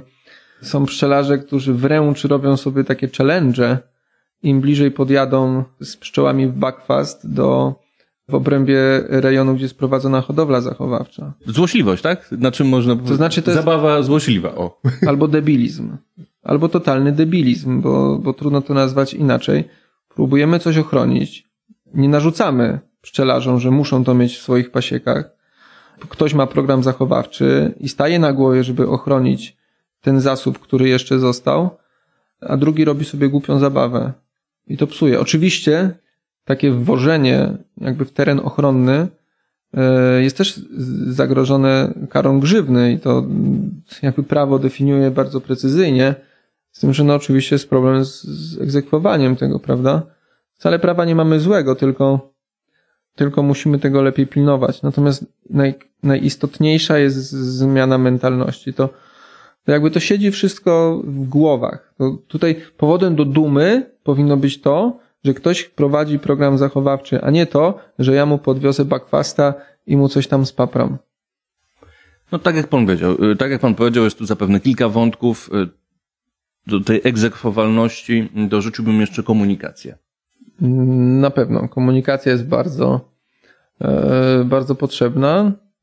Która aktualnie jest na dość słabym poziomie. To znaczy. Czy mówi Pan o komunikacji między hodowcami a pszczelarzami, czy w ogóle w obrębie środowiska? Pomiędzy weterynarią na przykład, a kołami, pomiędzy tymi e, instytucjami, które tam na miejscu zarządzają tymi e, obszarami zamkniętych hodowli i tak dalej. Spotkałem się z taką informacją, że ktoś tam wjeżdżał i kompletnie o tym nie wiedział. Oczywiście zdają sobie sprawę, że brak wiedzy e, o przepisach nie usprawiedliwia od ich niestosowania, no ale wydaje mi się, że do, do jednak do pewnej granicy. Jeśli nie ma nigdzie żadnych tablic przy zakładaniu pasieki, nikt nigdy nikogo nie poinformował, nie ma żadnej ulotki, na przykład sam park kampinoski w ogóle się tym nie zajmuje, bo to nie jest w jego jurysdykcji, e, z tego co tam rozmawiałem i na przykład jak się idzie po, po, po Parku Narodowym, to są różne tablice, są różne ścieżki edukacyjne o jakichś tam organizmach, które się chroni, które są rzadkie, a o tym nie ma kompletnie nic, no to wydaje mi się, że problem z komunikacją nie jest tylko jednostronny, tylko szerszy.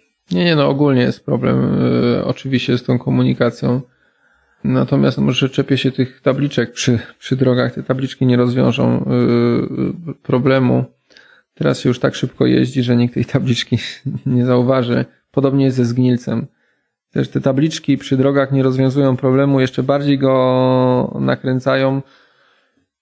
Ja pamiętam taką W porządku, to jest oczywiście do ustalenia, ale żeby coś ustalić, tak, to trzeba zacząć rozmawiać. Tak, tak ja myślę, że jest dosyć proste rozwiązanie. Jesteśmy jakby już tak zaawansowani technologicznie, że chyba czas y, przyszedł, żeby te wszystkie rejestry weterynaryjne, y, w których każda pasieka jest, zostały po prostu zrobione w formie cyfrowej. I uważam, że każdy pszczelarz powinien mieć swoje konto no choćby jakby w obrębie, bo chyba tam najprościej jest zrobić, jakby w obrębie systemu weterynaryjnego. I wszystkie przemieszczenia pasiek, które robi w terenie, robiłby również tam y, wirtualnie.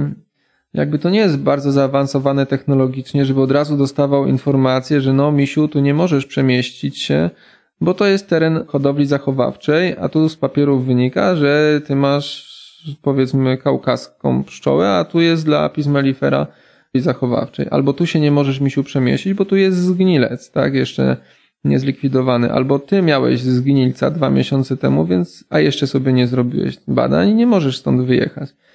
To byłoby yy, może nie najtańsze rozwiązanie, ale moim zdaniem bardzo skuteczne. I myślę, że musimy do czegoś takiego prędzej czy później dojść. Każda pasieka w Polsce powinna być zarejestrowana.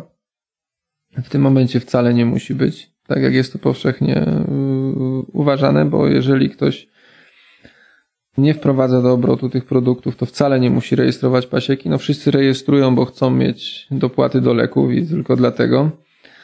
Um, natomiast no jakby system informatyczny skutkowałby tym, że aktualizacja rodzin, jakby stanów pasiek byłaby o wiele bardziej łatwiejsza do zrobienia, przez to byłaby robiona. No i tą komunikację system cyfrowy też ułatwia właśnie. No w ogóle by umożliwił ją przede wszystkim, bo przecież łatwo sobie wyobrazić, że ta aplikacja ma wersję mobilną i w momencie, kiedy jest określony teren zapowietrzony na danym obszarze i jeżeli tam się znajduje któraś z moich pasiek, to dostaję momentalnie z aplikacji alert na, na telefon. Ona jeszcze zabezpiecza wtedy pana, bo y, żeby pan ewentualnie nie zaraził swojej pasieki. No tak, oczywiście, no to jest jakby y, tylko to jest, kurczę, u nas tak, że mm, niektórzy będą mieć poczucie, że zakładamy im jakiś kaganiec. No więc będą na, sile, na siłę chcieli ten kaganiec y, z siebie zerwać.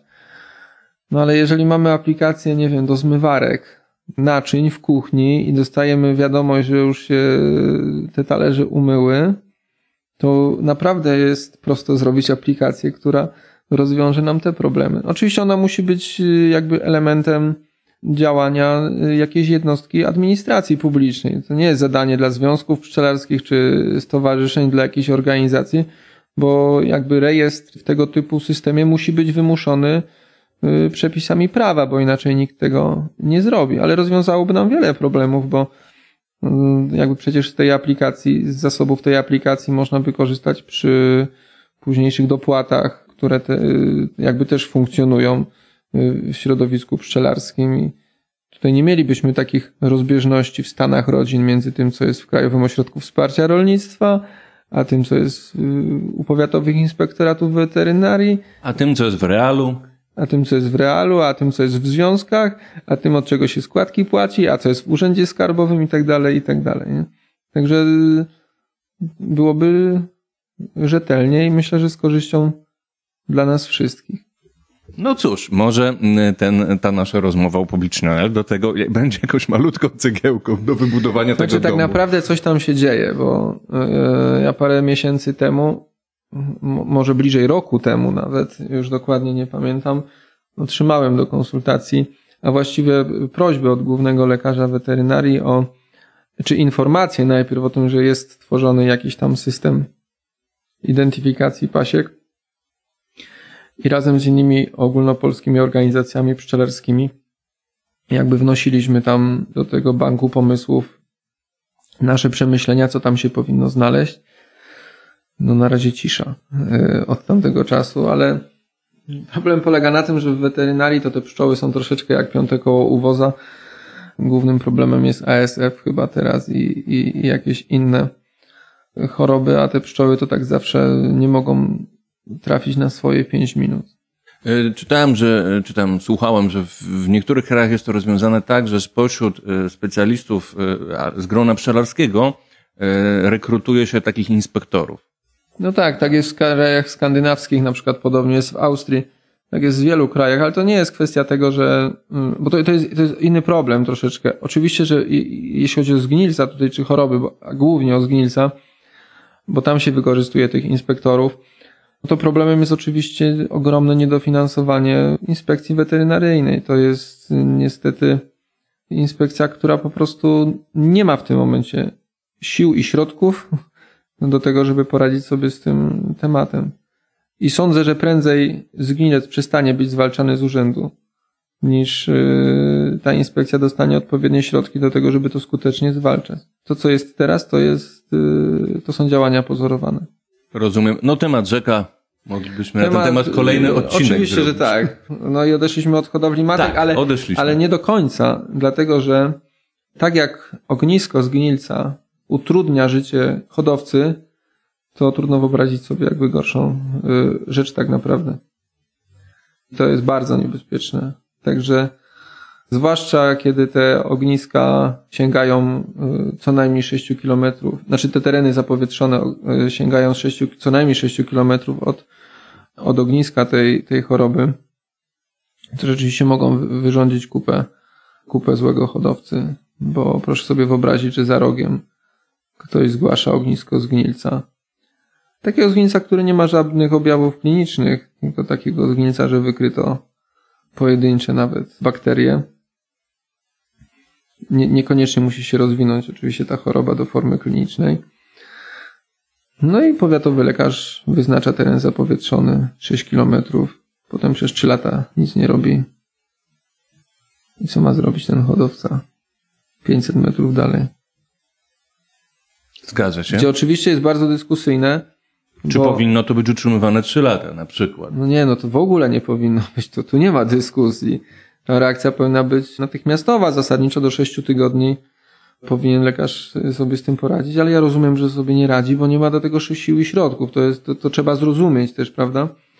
No więc strategie są dwie. No, albo zakazuje wszystkiego i czeka nie wiadomo na co, albo zakazuje wszystkiego, nie robi nic, a po jakimś czasie po prostu odblokowuje. Także bardzo różnie jest to niestety praktykowane.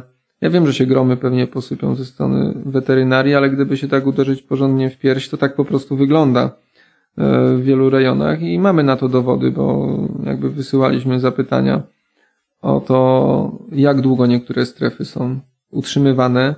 Na poziomie głównego lekarza dostaliśmy informację jakiś czas temu, że nie ma takich rejestrów prowadzonych. Jak długo? i jakby w trybie dostępu do informacji publicznej ta informacja nie została. No, natomiast oczywiście, że jakby zasięgając już informacji u lokalnych powiatowych, no to się okazało, że są strefy, które naprawdę po kilka lat były, y, były zapowietrzone. No. A tutaj hodowla matek pszczelich, w ogóle trzeba by się zastanowić, czy jaki ma związek z tym y, y, zgnilcem. I tak jak przecież bezpe bezpieczeństwo takie weterynaryjne, tak jak jest zachowane w hodowlach matek pszczelich, to w żadnych pasiekach nie jest tak naprawdę.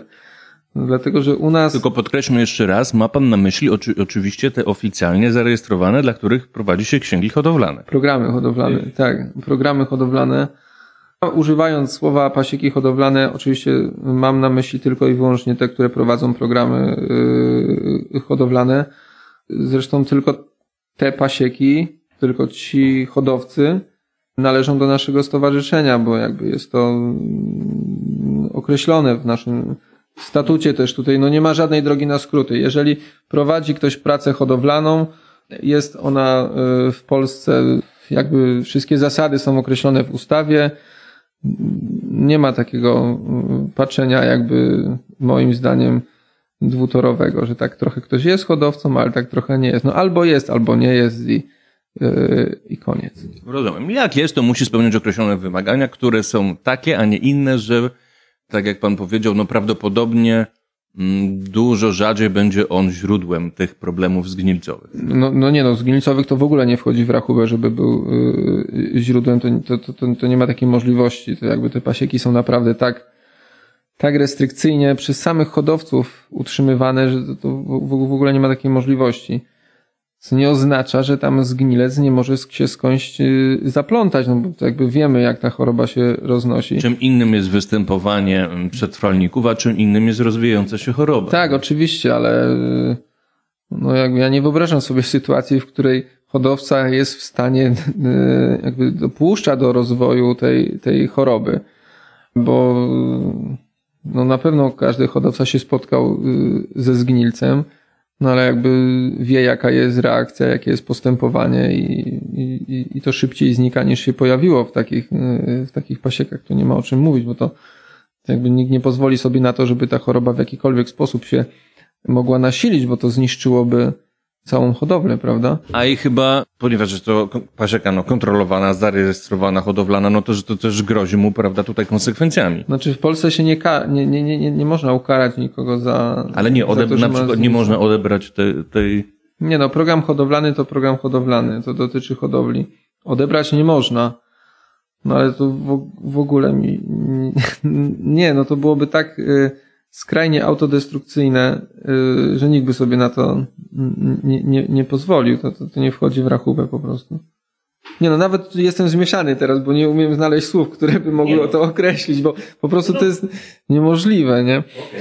Nie słyszał pan o takim przypadku. Nie, nie znam takiego przypadku. Nie, nie jestem sobie w stanie y, wyobrazić takiego przypadku, że ktoś na to pozwala. No chyba, że ktoś. Nie, nie, chodziło bardziej nie celowo, tylko z zaniedbania na przykład. Nie, nie, to, to nie. Nie, celowo to w ogóle. Nie, no, tak jak mówię, nie o to mi chodziło. Natomiast zaniedbania to, to nie. Czy z jakiegoś bardzo nieszczęśliwego zbiegu okoliczności. Tak, no. Nie, no to musiałoby być jakieś. y, Teoretycznie mogłoby się to wydarzyć w sytuacji, nie wiem, mm, jednoosobowej pasieki hodowlanej i nie wiem, jakichś zaburzeń zdrowotnych, psychicznych, czy, czy jakichś takich, ale nie. Normalny, zdrowy hodowca na pewno do takiej sytuacji nie dopuści. Nie wierzę w to. Wstępnie uznajmy, że temat tego zgnilca przepracowaliśmy. Panie Przemysławie, drugie pytanie, które mi się y, nasunęło, jak pan mówił o tej mm, inseminacji, która no, w Polsce jest niezbędna do prowadzenia hodowli, ale wyraził pan też opinię, no, że jest pan sympatykiem e, naturalnego unasieniania tak ogólnie, że, że pszczoły pasiekach e, takich, gdzie się chowa pszczoły, czyli prowadzi takie zwyczajne pszczelarstwo, no w większości są do celów użytkowych unasieniania naturalnie. Natomiast spotkałem się z takimi opiniami, że dobrze by było, gdyby w Polsce promować i żeby te matki sztuczne unasienianie, unasieniane, również użytkowe, no były podstawą też każdej pasieki. Więc co pan o tym sądzi? Skoro wcześniej pan powiedział, że No nie no, sądzę cały czas to samo. Natomiast ja u- uważam, że y, do unasieniania użytkowego, zwłaszcza w pasiekach hobbystycznych, amatorskich, których jest zdecydowana większość, y, z powodzeniem powinno się y, wykorzystywać naturalne unasienianie, póki się da. A póki co jeszcze się da. Natomiast inseminacja zdecydowanie jako narzędzie do pracy hodowlanej, do badań naukowych. Tam, gdzie potrzebujemy mieć pewność, że jakby te czynniki genetyczne będą, że, że ta genetyka będzie wyrównana, prawda? Że te czynniki tutaj, te różnice między osobnikami nie będą wpływały na, wyni- na wyniki badań i tak dalej, to, to wiemy. No i do tych pasiek zawodowych, y, y, w których y, bardzo ważne jest, żeby to pogłowie było bardzo wyrównane, bo usprawnia to pracę, y, umożliwia stosowanie pewnych mechanizmów, nawyków, uproszczeń w gospodarce. Czemu nie? Natomiast powiem czemu nie y, do takich pasiek amatorskich, bo to już próbowano zrobić. Jak zapewne y, wszyscy Państwo, którzy jesteście pszczelarzami, pamiętacie, był taki krótki okres, kiedy dotowane były z Krajowego Programu Wsparcia Pszczelarstwa wyłącznie matki. Y, Były dotowane y, wszystkie matki. Na samym początku, kiedy jakby tych pasiek, te, te pasieki hodowlane nie miały dużych mocy przerobowych. I większość matek unasienianych były to matki inseminowane, no bo tam były możliwości jakby przerobienia tych zamówień. Pszczelarze nie byli gotowi na to, żeby poddawać matki inseminowane. Do czego to doprowadziło? Doprowadziło, bo matki inseminowane są trudne, jakby wymagają większego nakładu pracy, większej wiedzy, większych kwalifikacji do tego, żeby je właściwie wykorzystać. I w momencie, kiedy się okazało, że wielu pszczelarzy ma problem z poddawaniem tych matek, e, no to zrobiła się nagonka na matki inseminowane do tego stopnia, że w pewnym momencie one nie podlegały nawet chyba refundacji. E, Później jakby ministerstwo odeszło od tego, od tego pomysłu i na szczęście znowu od wielu lat wszystkie matki są dotowane. Więc tutaj jakby takie zachęcanie do użytkowania matek e, insemin- inseminowanych może przynieść odwrotny efekt, jeżeli nie nauczymy pszczelarzy korzystania z tych matek. bo one mają swoją y, specyfikę. To jest zawsze coś za coś.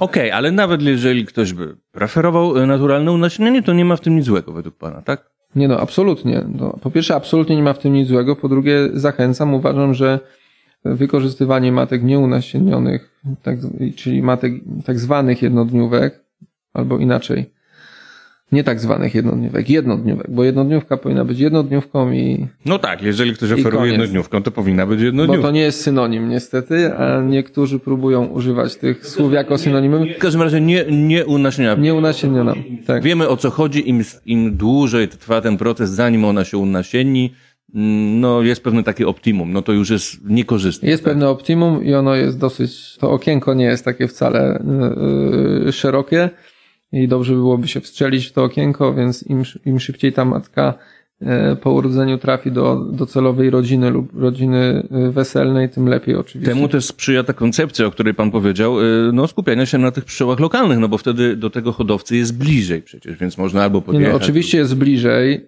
do tego hodowcy, co więcej ten hodowca w bardzo podobnych warunkach środowiskowych prowadzi i ocenę i selekcję tego materiału a dodatkowo korzystamy, co jest y, najistotniejsze w mojej ocenie, no jakby z tej bazy, z tej puli genowej, która w tym środowisku y, już jest po stronie ojcowskiej, bo kupując matki nieunasienione trzeba mieć świadomość, że kupujemy sobie połowę genów, tylko połowę. Druga pochodzi od trutnia. I tutaj y, dlatego tak istotne jest, co wprowadzamy do środowiska bo to będzie wchodzić do naszej pasieki właśnie od strony ojcowskiej. Co nie znaczy, że wymiana e, matek między odległymi jakby e, rejonami nie ma też swojego uzasadnienia, bo oczywiście ma z tego względu, że cały czas e, musimy dążyć do efektu, jakiegoś tam efektu większego lub mniejszego, ale jednak efektu heterozji. Oto nam wszystkim chodzi. My hodowcy, tak jak wspomniałem na wstępie, też wymieniamy się e, materiałem. To nie jest tak, że. E, no, tak jak chyba wszyscy hodowcy generalnie różnych zwierząt, tak? No chyba tak, także tutaj też tak po prostu jest, stąd te relacje są takie, takie istotne. No bo tutaj też można się jakby zapędzić w kozi róg i dojść do czegoś, co nazywa się chowem wsobnym. A, no to, a to już jest koniec hodowli konkretnej najczęściej bo już bardzo ciężko później z tego jest się wykaraskać, także... No chyba pan odpowiedział. Kropka. Nie jest pan przeciwnikiem naturalnego unasieniania w pewnych sytuacjach można... Nie, wręcz przeciwnie. Jestem zwolennikiem naturalnego unasieniania w pasiekach użytkowych. Czyli ten pomysł, o którym słyszałem, no niekoniecznie według pana jest dobry, żeby to wszędzie promować. Są pewne pasieki zawodowe, duże, gdzie by to miało ręce i nogi, niekoniecznie w tych hobbystycznych. No tak, albo nie we wszystkich, bo jeżeli ktoś y, ma małą pasiekę hobbystyczną, ale ma na tyle kwalifikacji, żeby jakby wykorzystać prawidłowo te matki inseminowane i potrzebuje, y, ma taką potrzebę, żeby, żeby one były wyrównane o bardzo konkretnych cechach i tak dalej, to czemu nie? Natomiast no, wydaje mi się zresztą, że to jedno z drugim nie stoi w opozycji. Jakby matki inseminowane i naturalne unasiennienie nie stoi wcale ze sobą w opozycji, tylko musimy wiedzieć co, do czego kiedy i dla kogo. Panie Przemysławie, kolejny wątek rozpoczynam, mianowicie te cechy. Jakie są podstawowe cechy, mm, kryteria, według których no, opisuje się mm, te pszczoły w liniach hodowlanych?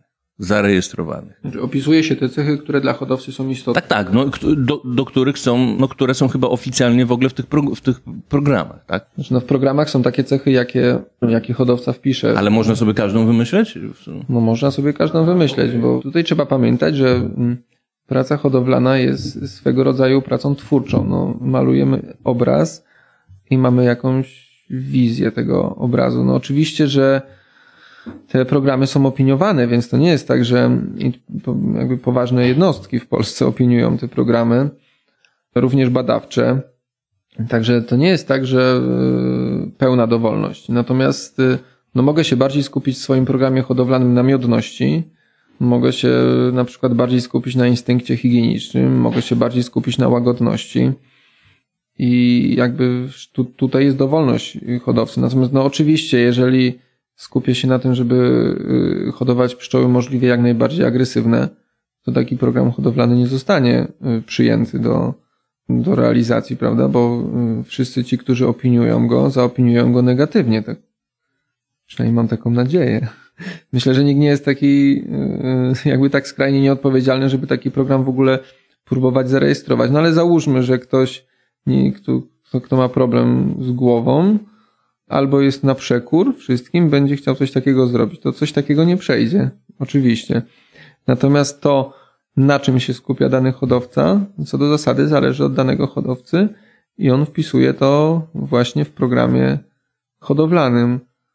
Oczywiście są takie cechy przyjęte jako takie cechy standardowe, które, y, nad którymi się pracuje.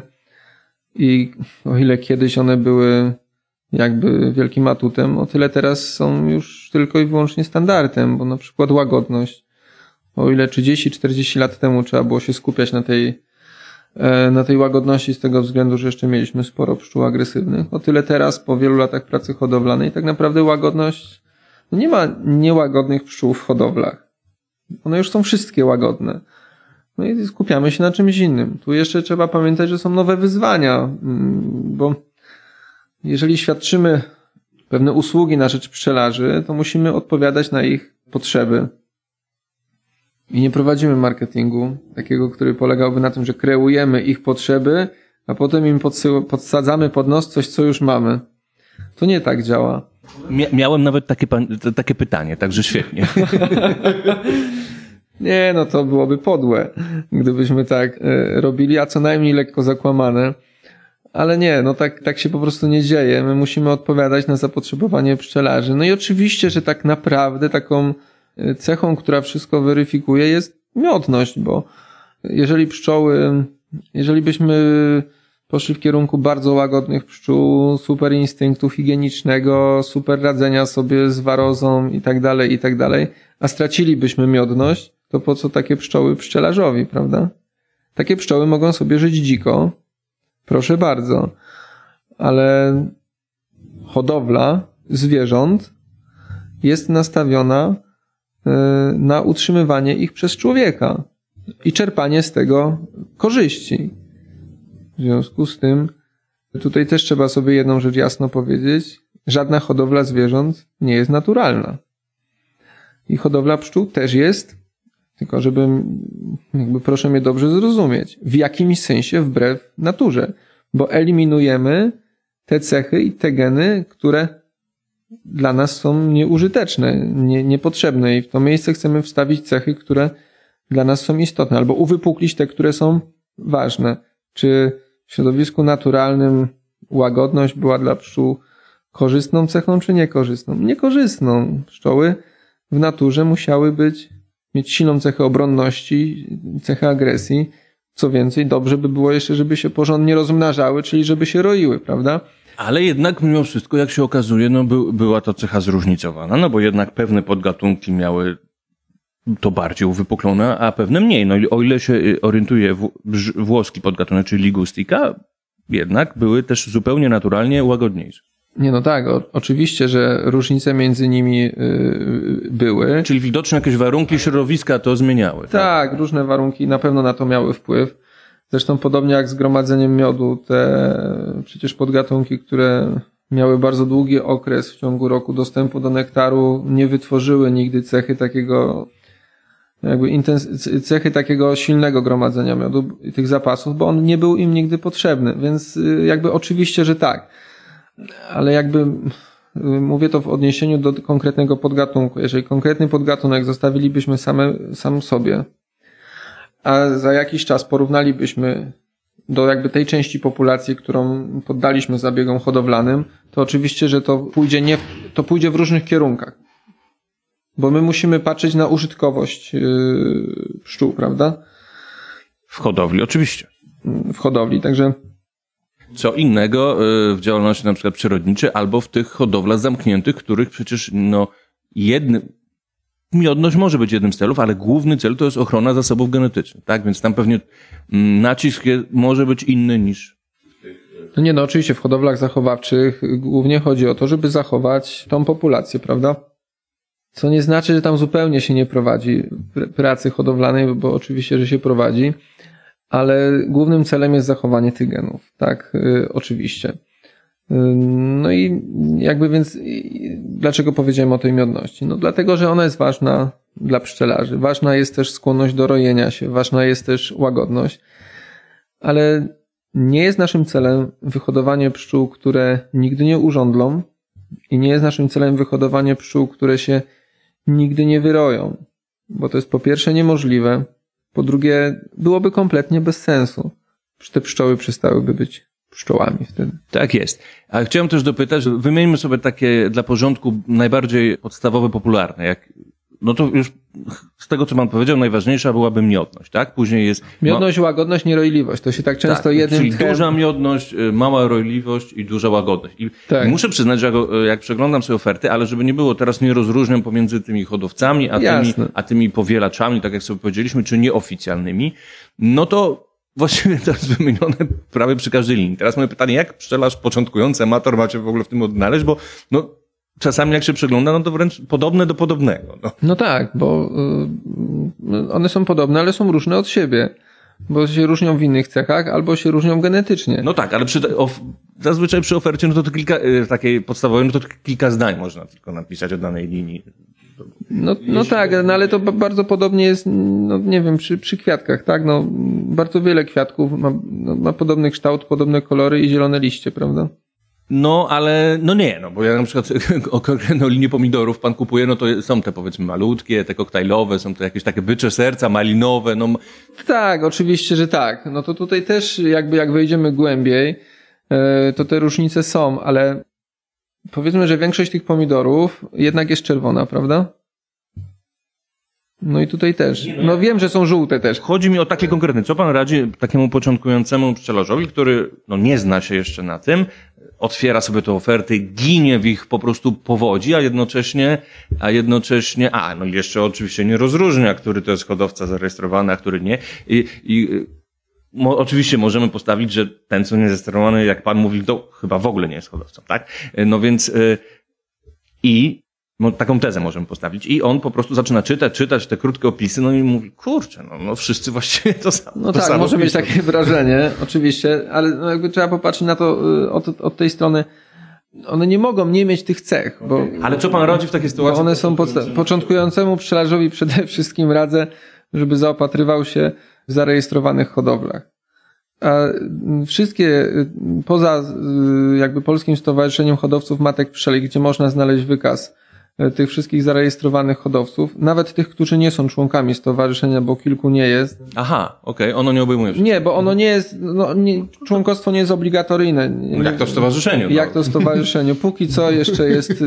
I oby tak zostało. To, to mamy jeszcze dobrowolne, mamy zagwarantowane w konstytucji chyba prawo do stowarzyszania się, ale na szczęście jest to prawo póki co, a nie obowiązek, także i tego się trzymajmy. Także nie wszyscy hodowcy są członkami stowarzyszenia, ale y, my wszystkich wykazujemy tam, gdzie y, są przedstawione wykaz ksiągi rejestrów, bo to jest takie źródło, gdzie każdy początkujący może sobie sprawdzić, czy to na stronie Polskiego Stowarzyszenia Hodowców, czy to na stronie internetowej Krajowego Centrum Hodowli Zwierząt. Regularnie są tam aktualizowane wykazy tych pasiek, tych hodowców, którzy prowadzą poszczególne programy hodowlane i jest wykaz ksiąg i rejestrów. I tam można sprawdzić, czy dana pasieka prowadzi program y, hodowlany.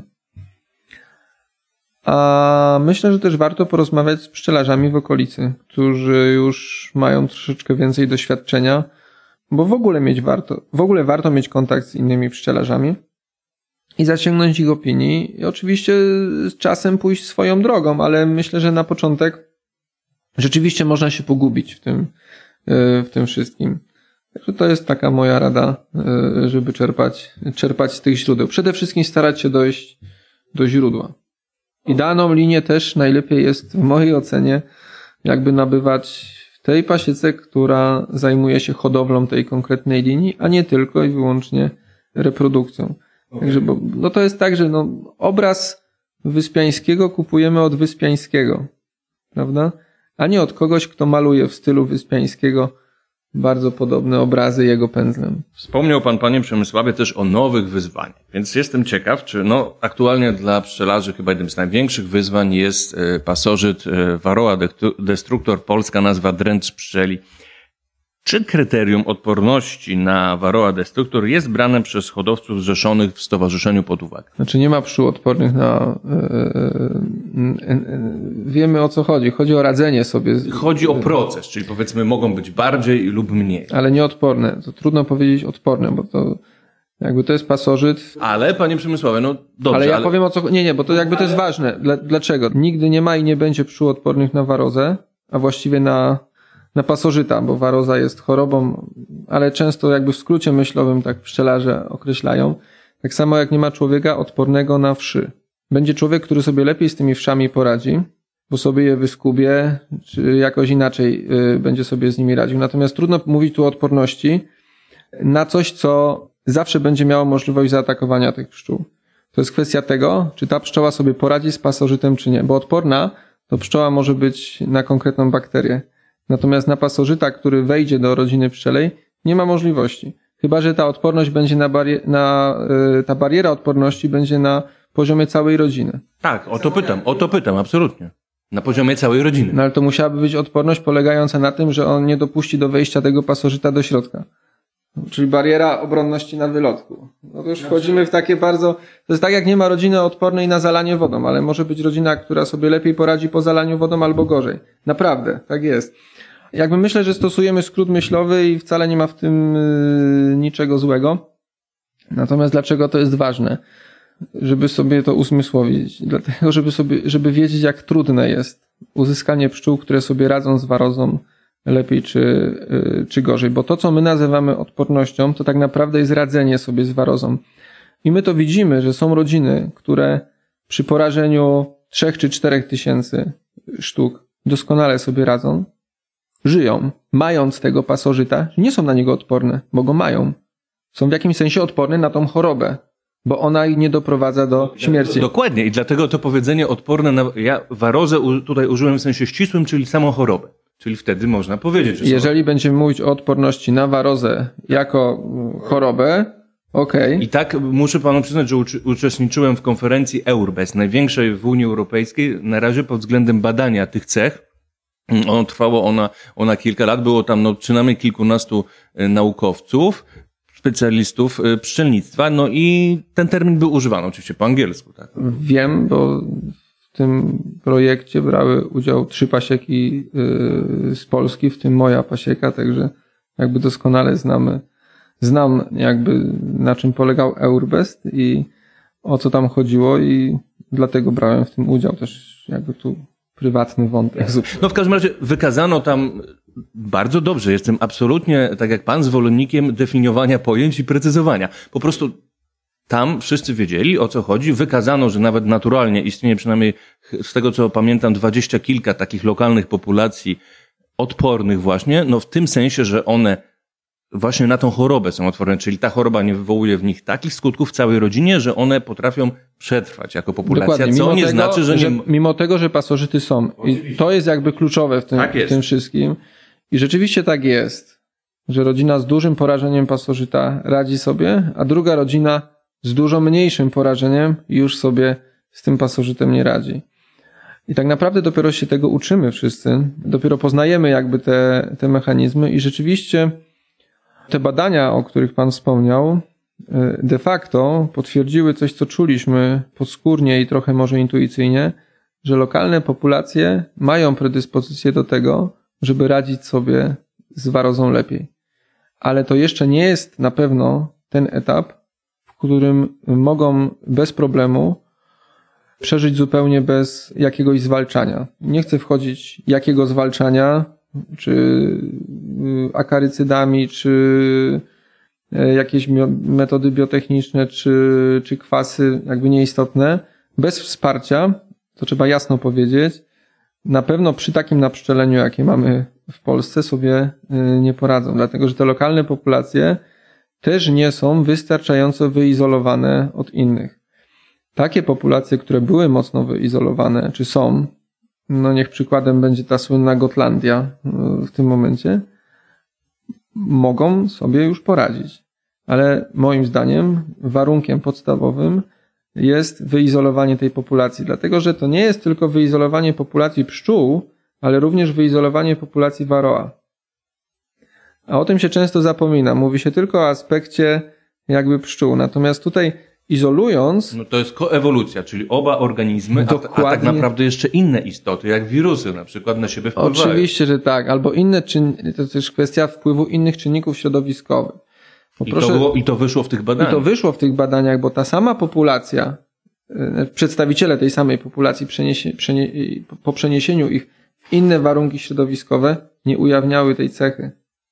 I to jest bardzo ciekawe. Zresztą to samo dotyczy nozemy. To nie jest tylko kwestia z warozą. Są populacje na świecie, które sobie doskonale radzą z nozemą, przeniesione tysiąc czy dwa kilometry dalej. Tracą tą no i to wspiera dobrze Pana preferencje odnośnie hodowli pszczół raczej lokalnych. Mm, tak, użytkowania w pasiekach pszczół lokalnych. Natomiast w hodowli zawsze musimy się wspierać też czymś no z zewnątrz. Mhm. No ale ta baza jest, ale też nie z zewnątrz. Yy, no nie, no nie z innego prawda? kontynentu. No, no właśnie. Na no pewno. No i też... Mówię z zewnątrz, że spoza mojej pasieki tak jest, tak jest. hodowlanej, natomiast oczywiście w obrębie E, rasy czy, czy, czy podgatunku, który e, w jakiś naturalny sposób mógłby tutaj e, występować, czy mógł być przydatny. No, a moje pytanie chodziło, w tym pytaniu nie zawierało się, czy już... Wiem tylko, czy są prowadzone... Tak, tak, bo to jest nabywanie tej odporności, tak jak ustaliliśmy precyzyjnie na chorobę. Jasne. Nie jest procesem. Wiadomo, że to nie będzie tak, haha, w tym roku już mamy i proszę, mamy w ofercie. Natomiast kiedyś, żeby to nastąpiło, no do tej trzeba to wprowadzać jako cechę tej hodowli. Stąd moje pytanie, czy już na przykład program ten Eurbest umożliwił już jakieś mm, sprecyzowanie tych kryteriów, tak? To się zdarzyło przed Eurbestem.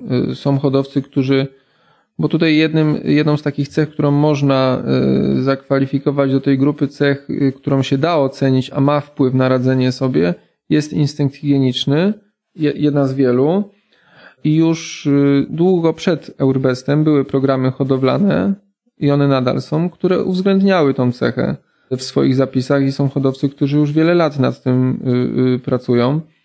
Natomiast w tym momencie, ja myśl, mówiąc o nowych wyzwaniach, miałem dokładnie na myśli ten temat, o którym Pan poruszył, mianowicie właśnie tą odporność na, na warozę i tu, to, to jest w ogóle uważam wyzwanie dla, yy, dla hodowców. To się zaczyna już, to się dzieje i zaczyna się dziać coraz, mocniej, coraz mocniej. Yy, I myślę, że to będzie główna cecha. Jakby poza tymi trzema, o której już wspomnieliśmy, takimi stricte użytkowymi, to ta odporność na warozę będzie podstawową cechą. W ogóle uważam, że powinna zostać e, nakazana do, Aha, do e, uwzględniania jej w programach hodowlanych. Oczywiście z pozostawieniem pewnej swobody hodowcom, bo ja tutaj mam podejście dosyć znaczy dosyć wolnościowe. Nie na zasadzie swawoli, ale y, wolności i nie możemy mm, wszystkiego hodowcom narzucić. Ale ta cecha jest, uważam, na tyle istotna, że powinna być w pewnym momencie cechą obligatoryjną. Czyli według Pana powinna w przyszłości być tak popularna, jak te małej roliwości czy duże miodności? I ona tak? się, ja sądzę, że ona się w naturalny sposób stanie tak popularna, bo za jakiś czas tak jak teraz nikt nie kupi niemiodnych pszczół, czy agresywnych, to za jakiś czas nikt nie kupi pszczół, które kompletnie nie radzą sobie z warozą. Z tym, że e, też, żeby jakby móc tą cechę e, dopracować, to potrzebujemy też feedbacku od pszczelarzy. Czyli znów wracamy do tej komunikacji.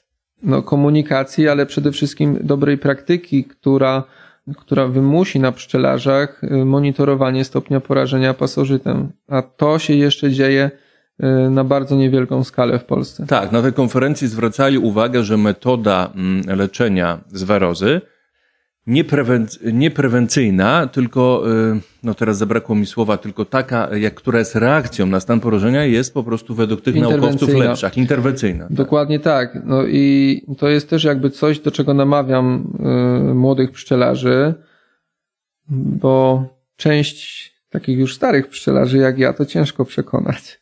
No, nie ale jest pan taki... najstarszym pszczelarzem. Zapewne, ale no w pewnym wieku już inaczej. No może zbetonowanie umysłu nie jest zależne od wieku, bo znam naprawdę y, pszczelarzy seniorów, którzy doskonale sobie y, radzą z elastycznym podejściem do pszczelarstwa.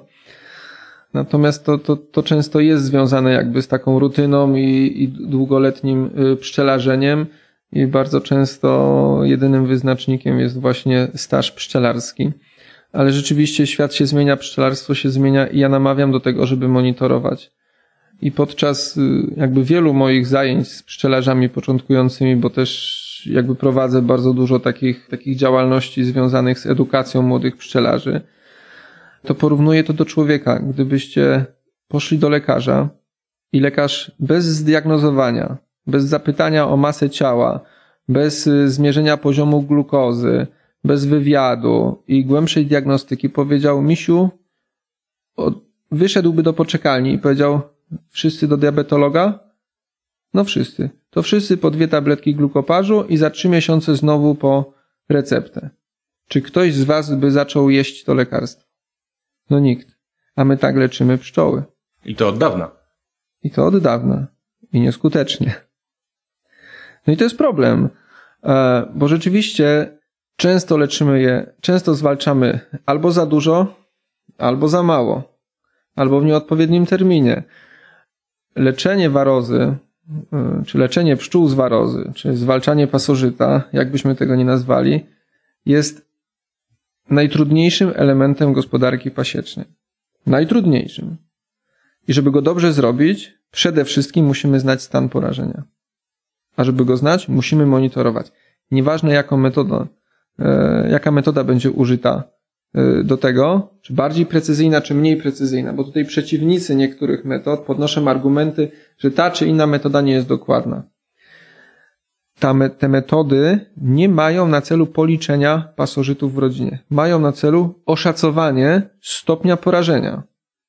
I wystarczy, że ta rodzina zostanie zakwalifikowana do jednej z grup. Niskie porażenie, średnie, wysokie. Nie musimy wiedzieć, czy tam jest 2000 y, y, osobników, czy 2399. I sam argument, że metoda nie pozwala precyzyjnie określić ilości pasożytów, nie powinien być argumentem, który zwalnia nas z obowiązku prowadzenia jej. To jest trochę jak z włosami. To łatwo określić, czy ktoś ma dużo włosów na głowie, czy mało. A policzyć jest bardzo trudno i nie chodzi nam o to, żeby liczyć. Taka też była konkluzja tej konferencji Aurwes, że akurat w tej cesze nie uda się to bez współpracy całej społeczności pszczelarskiej, nie tylko hodowców, ale też zwykłych pszczelarzy, w tym również yy, hobbystycznych, ale oczywiście przede wszystkim profesjonalistów, ale yy, no miodziarzy, tak mówiąc kolokwialnie, i oczywiście naukowców. Tutaj po, po, no nie, nie sieć, sieć, sieć powinna być y, współpracy w tych wszystkich. Oczywiście, że tak. Nigdy się nie uda bez współpracy tych wszystkich. Zresztą w Eurbeście jakby podczas tego badania były takie grupy y, zrobione, byli i, i hodowcy, i były też pasieki komercyjne. Tam się nazywało to pasieki komercyjne, tak, czyli pasieki tak. użytkowe. Mhm. No, no bo tutaj nie da się tego zrobić po prostu inaczej.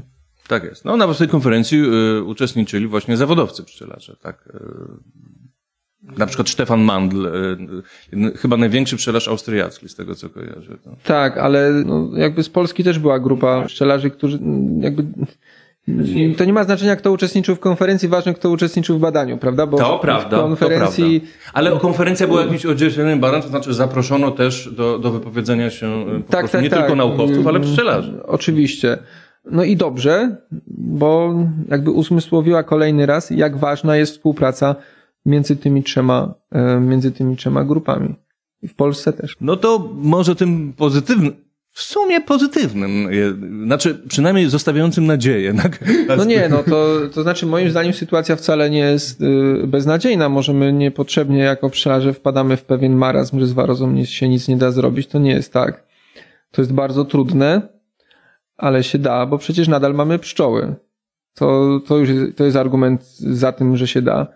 Tylko jakby trzeba myśleć o jeszcze jednym aspekcie, żeby jakby w tym ferworze, w tym pędzie do zabicia warozy, yy, przypadkiem nie zabić pszczół i przypadkiem nie nie zanieczyścić produktów y, z ula. Bo tutaj jest taka też tendencja, która, która jest bardzo niebezpieczna. Ja też ją obserwuję gdzieś tam w mediach społecznościowych y, pszczelarskich. Kiedyś było tak, że użycie jakiegoś środka do zwalczania warola było jednoznaczne z tym, że nie pozyskujemy produktów od tego momentu już w tym sezonie. Natomiast widzę, że tutaj y, zaczyna się to podejście troszeczkę zmiękczać i to bardzo niedobrze. Ja wiem, że weszły i kwasy organiczne do, do użycia i może nie wszyscy rozróżniają chemię od y, kwasów organicznych, które też są tak naprawdę chemią. Oczywiście. I to napisałem kiedyś taki artykuł. Nominalnie Chemicznie jest to chemia syntetyczna, bo jest produkowana no, w fabryce metodą syntezy, no. a nie z mrówek czy pokrzywy wyekstrahowanych. No, no tak. Szczególnie, że to i tak nic nie zmienia, bo wiemy z nauki, że substancja chemiczna to substancja chemiczna i nieważne skąd pochodzi. No. Oczywiście, że tak. Oczywiście, że tak. Także ja tutaj się obawiam, czy sobie jakby nie pudrujemy troszeczkę yy, po to, żeby sobie usprawiedliwić, że coś tam w czerwcu czy w maju załadujemy do ula. Zresztą mam podobne podejście też do, do, do leczenia na wiosnę Uważam, że optymalnym czasem do leczenia e, na wiosnę jest listopad, bo jeśli chodzi o warozę, okay. to od listopada do lutego nic się nie wydarzy, jeżeli prowadzimy prawidłowo gospodarkę e, pasieczną w kontekście przyrostu pasożytów. Chyba, że jesteśmy oczywiście w modelu gospodarki, który dopuszcza całoroczne czerwienie, ale no możemy też i taki model gospodarki prowadzić, tylko że ma to swoje konsekwencje bo wtedy od stycznia zaczynamy pisać doktoraty na temat, jak ratować pszczoły z głodu, jak dokarmiać przy minus 15 i tak dalej, i tak dalej. Pszczoła miodna, która jest dostosowana do naszych warunków klimatycznych, od września do marca kolejnego roku jest w stanie przeżyć bez najmniejszych problemów e, na kilku plastrach wielkopolskich w oparciu o ten pokarm, który dostała, pod warunkiem, że wejdzie w zimowy stan spoczynku i to jest jedyny warunek tak naprawdę. I to też oczywiście jest bardzo kompatybilne z tym, co pan powiedział, e, preferencjach do utrzymywania pszczoły lokalnej generalnie. Tak? No, preferencja do utrzymywania pszczoły lokalnej, ale i też prawidłowa gospodarka pasieczna. Bo to nie jest tylko kwestia genów, to jest też kwestia tego, e, co my z tymi pszczołami robimy. Mogę powiedzieć o jednym przypadku, który słyszałem. Wiem, jak pan pewnie skomentuje, no ale może fajnie, żeby to wybrzmiało od prezesa Stowarzyszenia mm, mm, Hodowli Matek Pszczeli. Na przykład cały rok się dokarmia ciastem w hali ocieplonej, oczywiście też białkiem, tak, żeby te pszczoły pobudzać. No mają też ciepło, więc a, i to są pszczoły bakwas, więc mogą czerwić. Są do tego y, naturalnie skłonne. Predysponowane, tak. bo, ale krainka też będzie w takich warunkach czerwić okay. cały rok. No i bardzo wczesną wiosną, luty, marzec, gotowe w ilości setki y, odkładów do sprzedaży. No, no jeżeli takie pszczelarstwo chcemy I całą mieć... zimę oczywiście leczenie, no bo jak inaczej. No, znaczy, pan co, ja znaczy paski tak, w ulu na stałe położone. Tak, ja powiem tak, mi się to kojarzy z czymś może, do czego już może się przyzwyczailiśmy przy innych zwierzętach, ale ja przy pszczołach nie jestem w stanie cały czas tego zaakceptować. Mianowicie do takiej obory, gdzie jest, nie wiem, 500 krów czy 300 krów i jak one tam weszły, nie wiem, mając kilka miesięcy życia, tak potem wyjeżdżają do rzeźni, a w międzyczasie nie widzą słońca, nie widzą trawy, e, no much to nie, nie widzą, bo te muchy tam nie mogą być w tej oborze. No i dostają idealną mieszankę y, paszową, w związku z tym osiągają jakieś tam rekordy w mleczności i tak dalej, i tak dalej. Pszczoły pewnie by sobie, pewnie by dało się utrzymywać pszczoły w ogóle bez kontaktu z nektarem i pyłkiem, bo można stosować substytuty. Czmiele się da na przykład. Więc... No, pszczoły pewnie też by się dało, jakby się człowiek uparł. Kiedyś takiego mema widziałem nawet gdzie do ula było podpięte tak wiele kroplówek. Takie kilka stojaków stało i były kroplówki dopięte do ula. No można tak, prawda? No tylko jest pytanie, czy to jest nasz cel, czy to chcemy osiągnąć.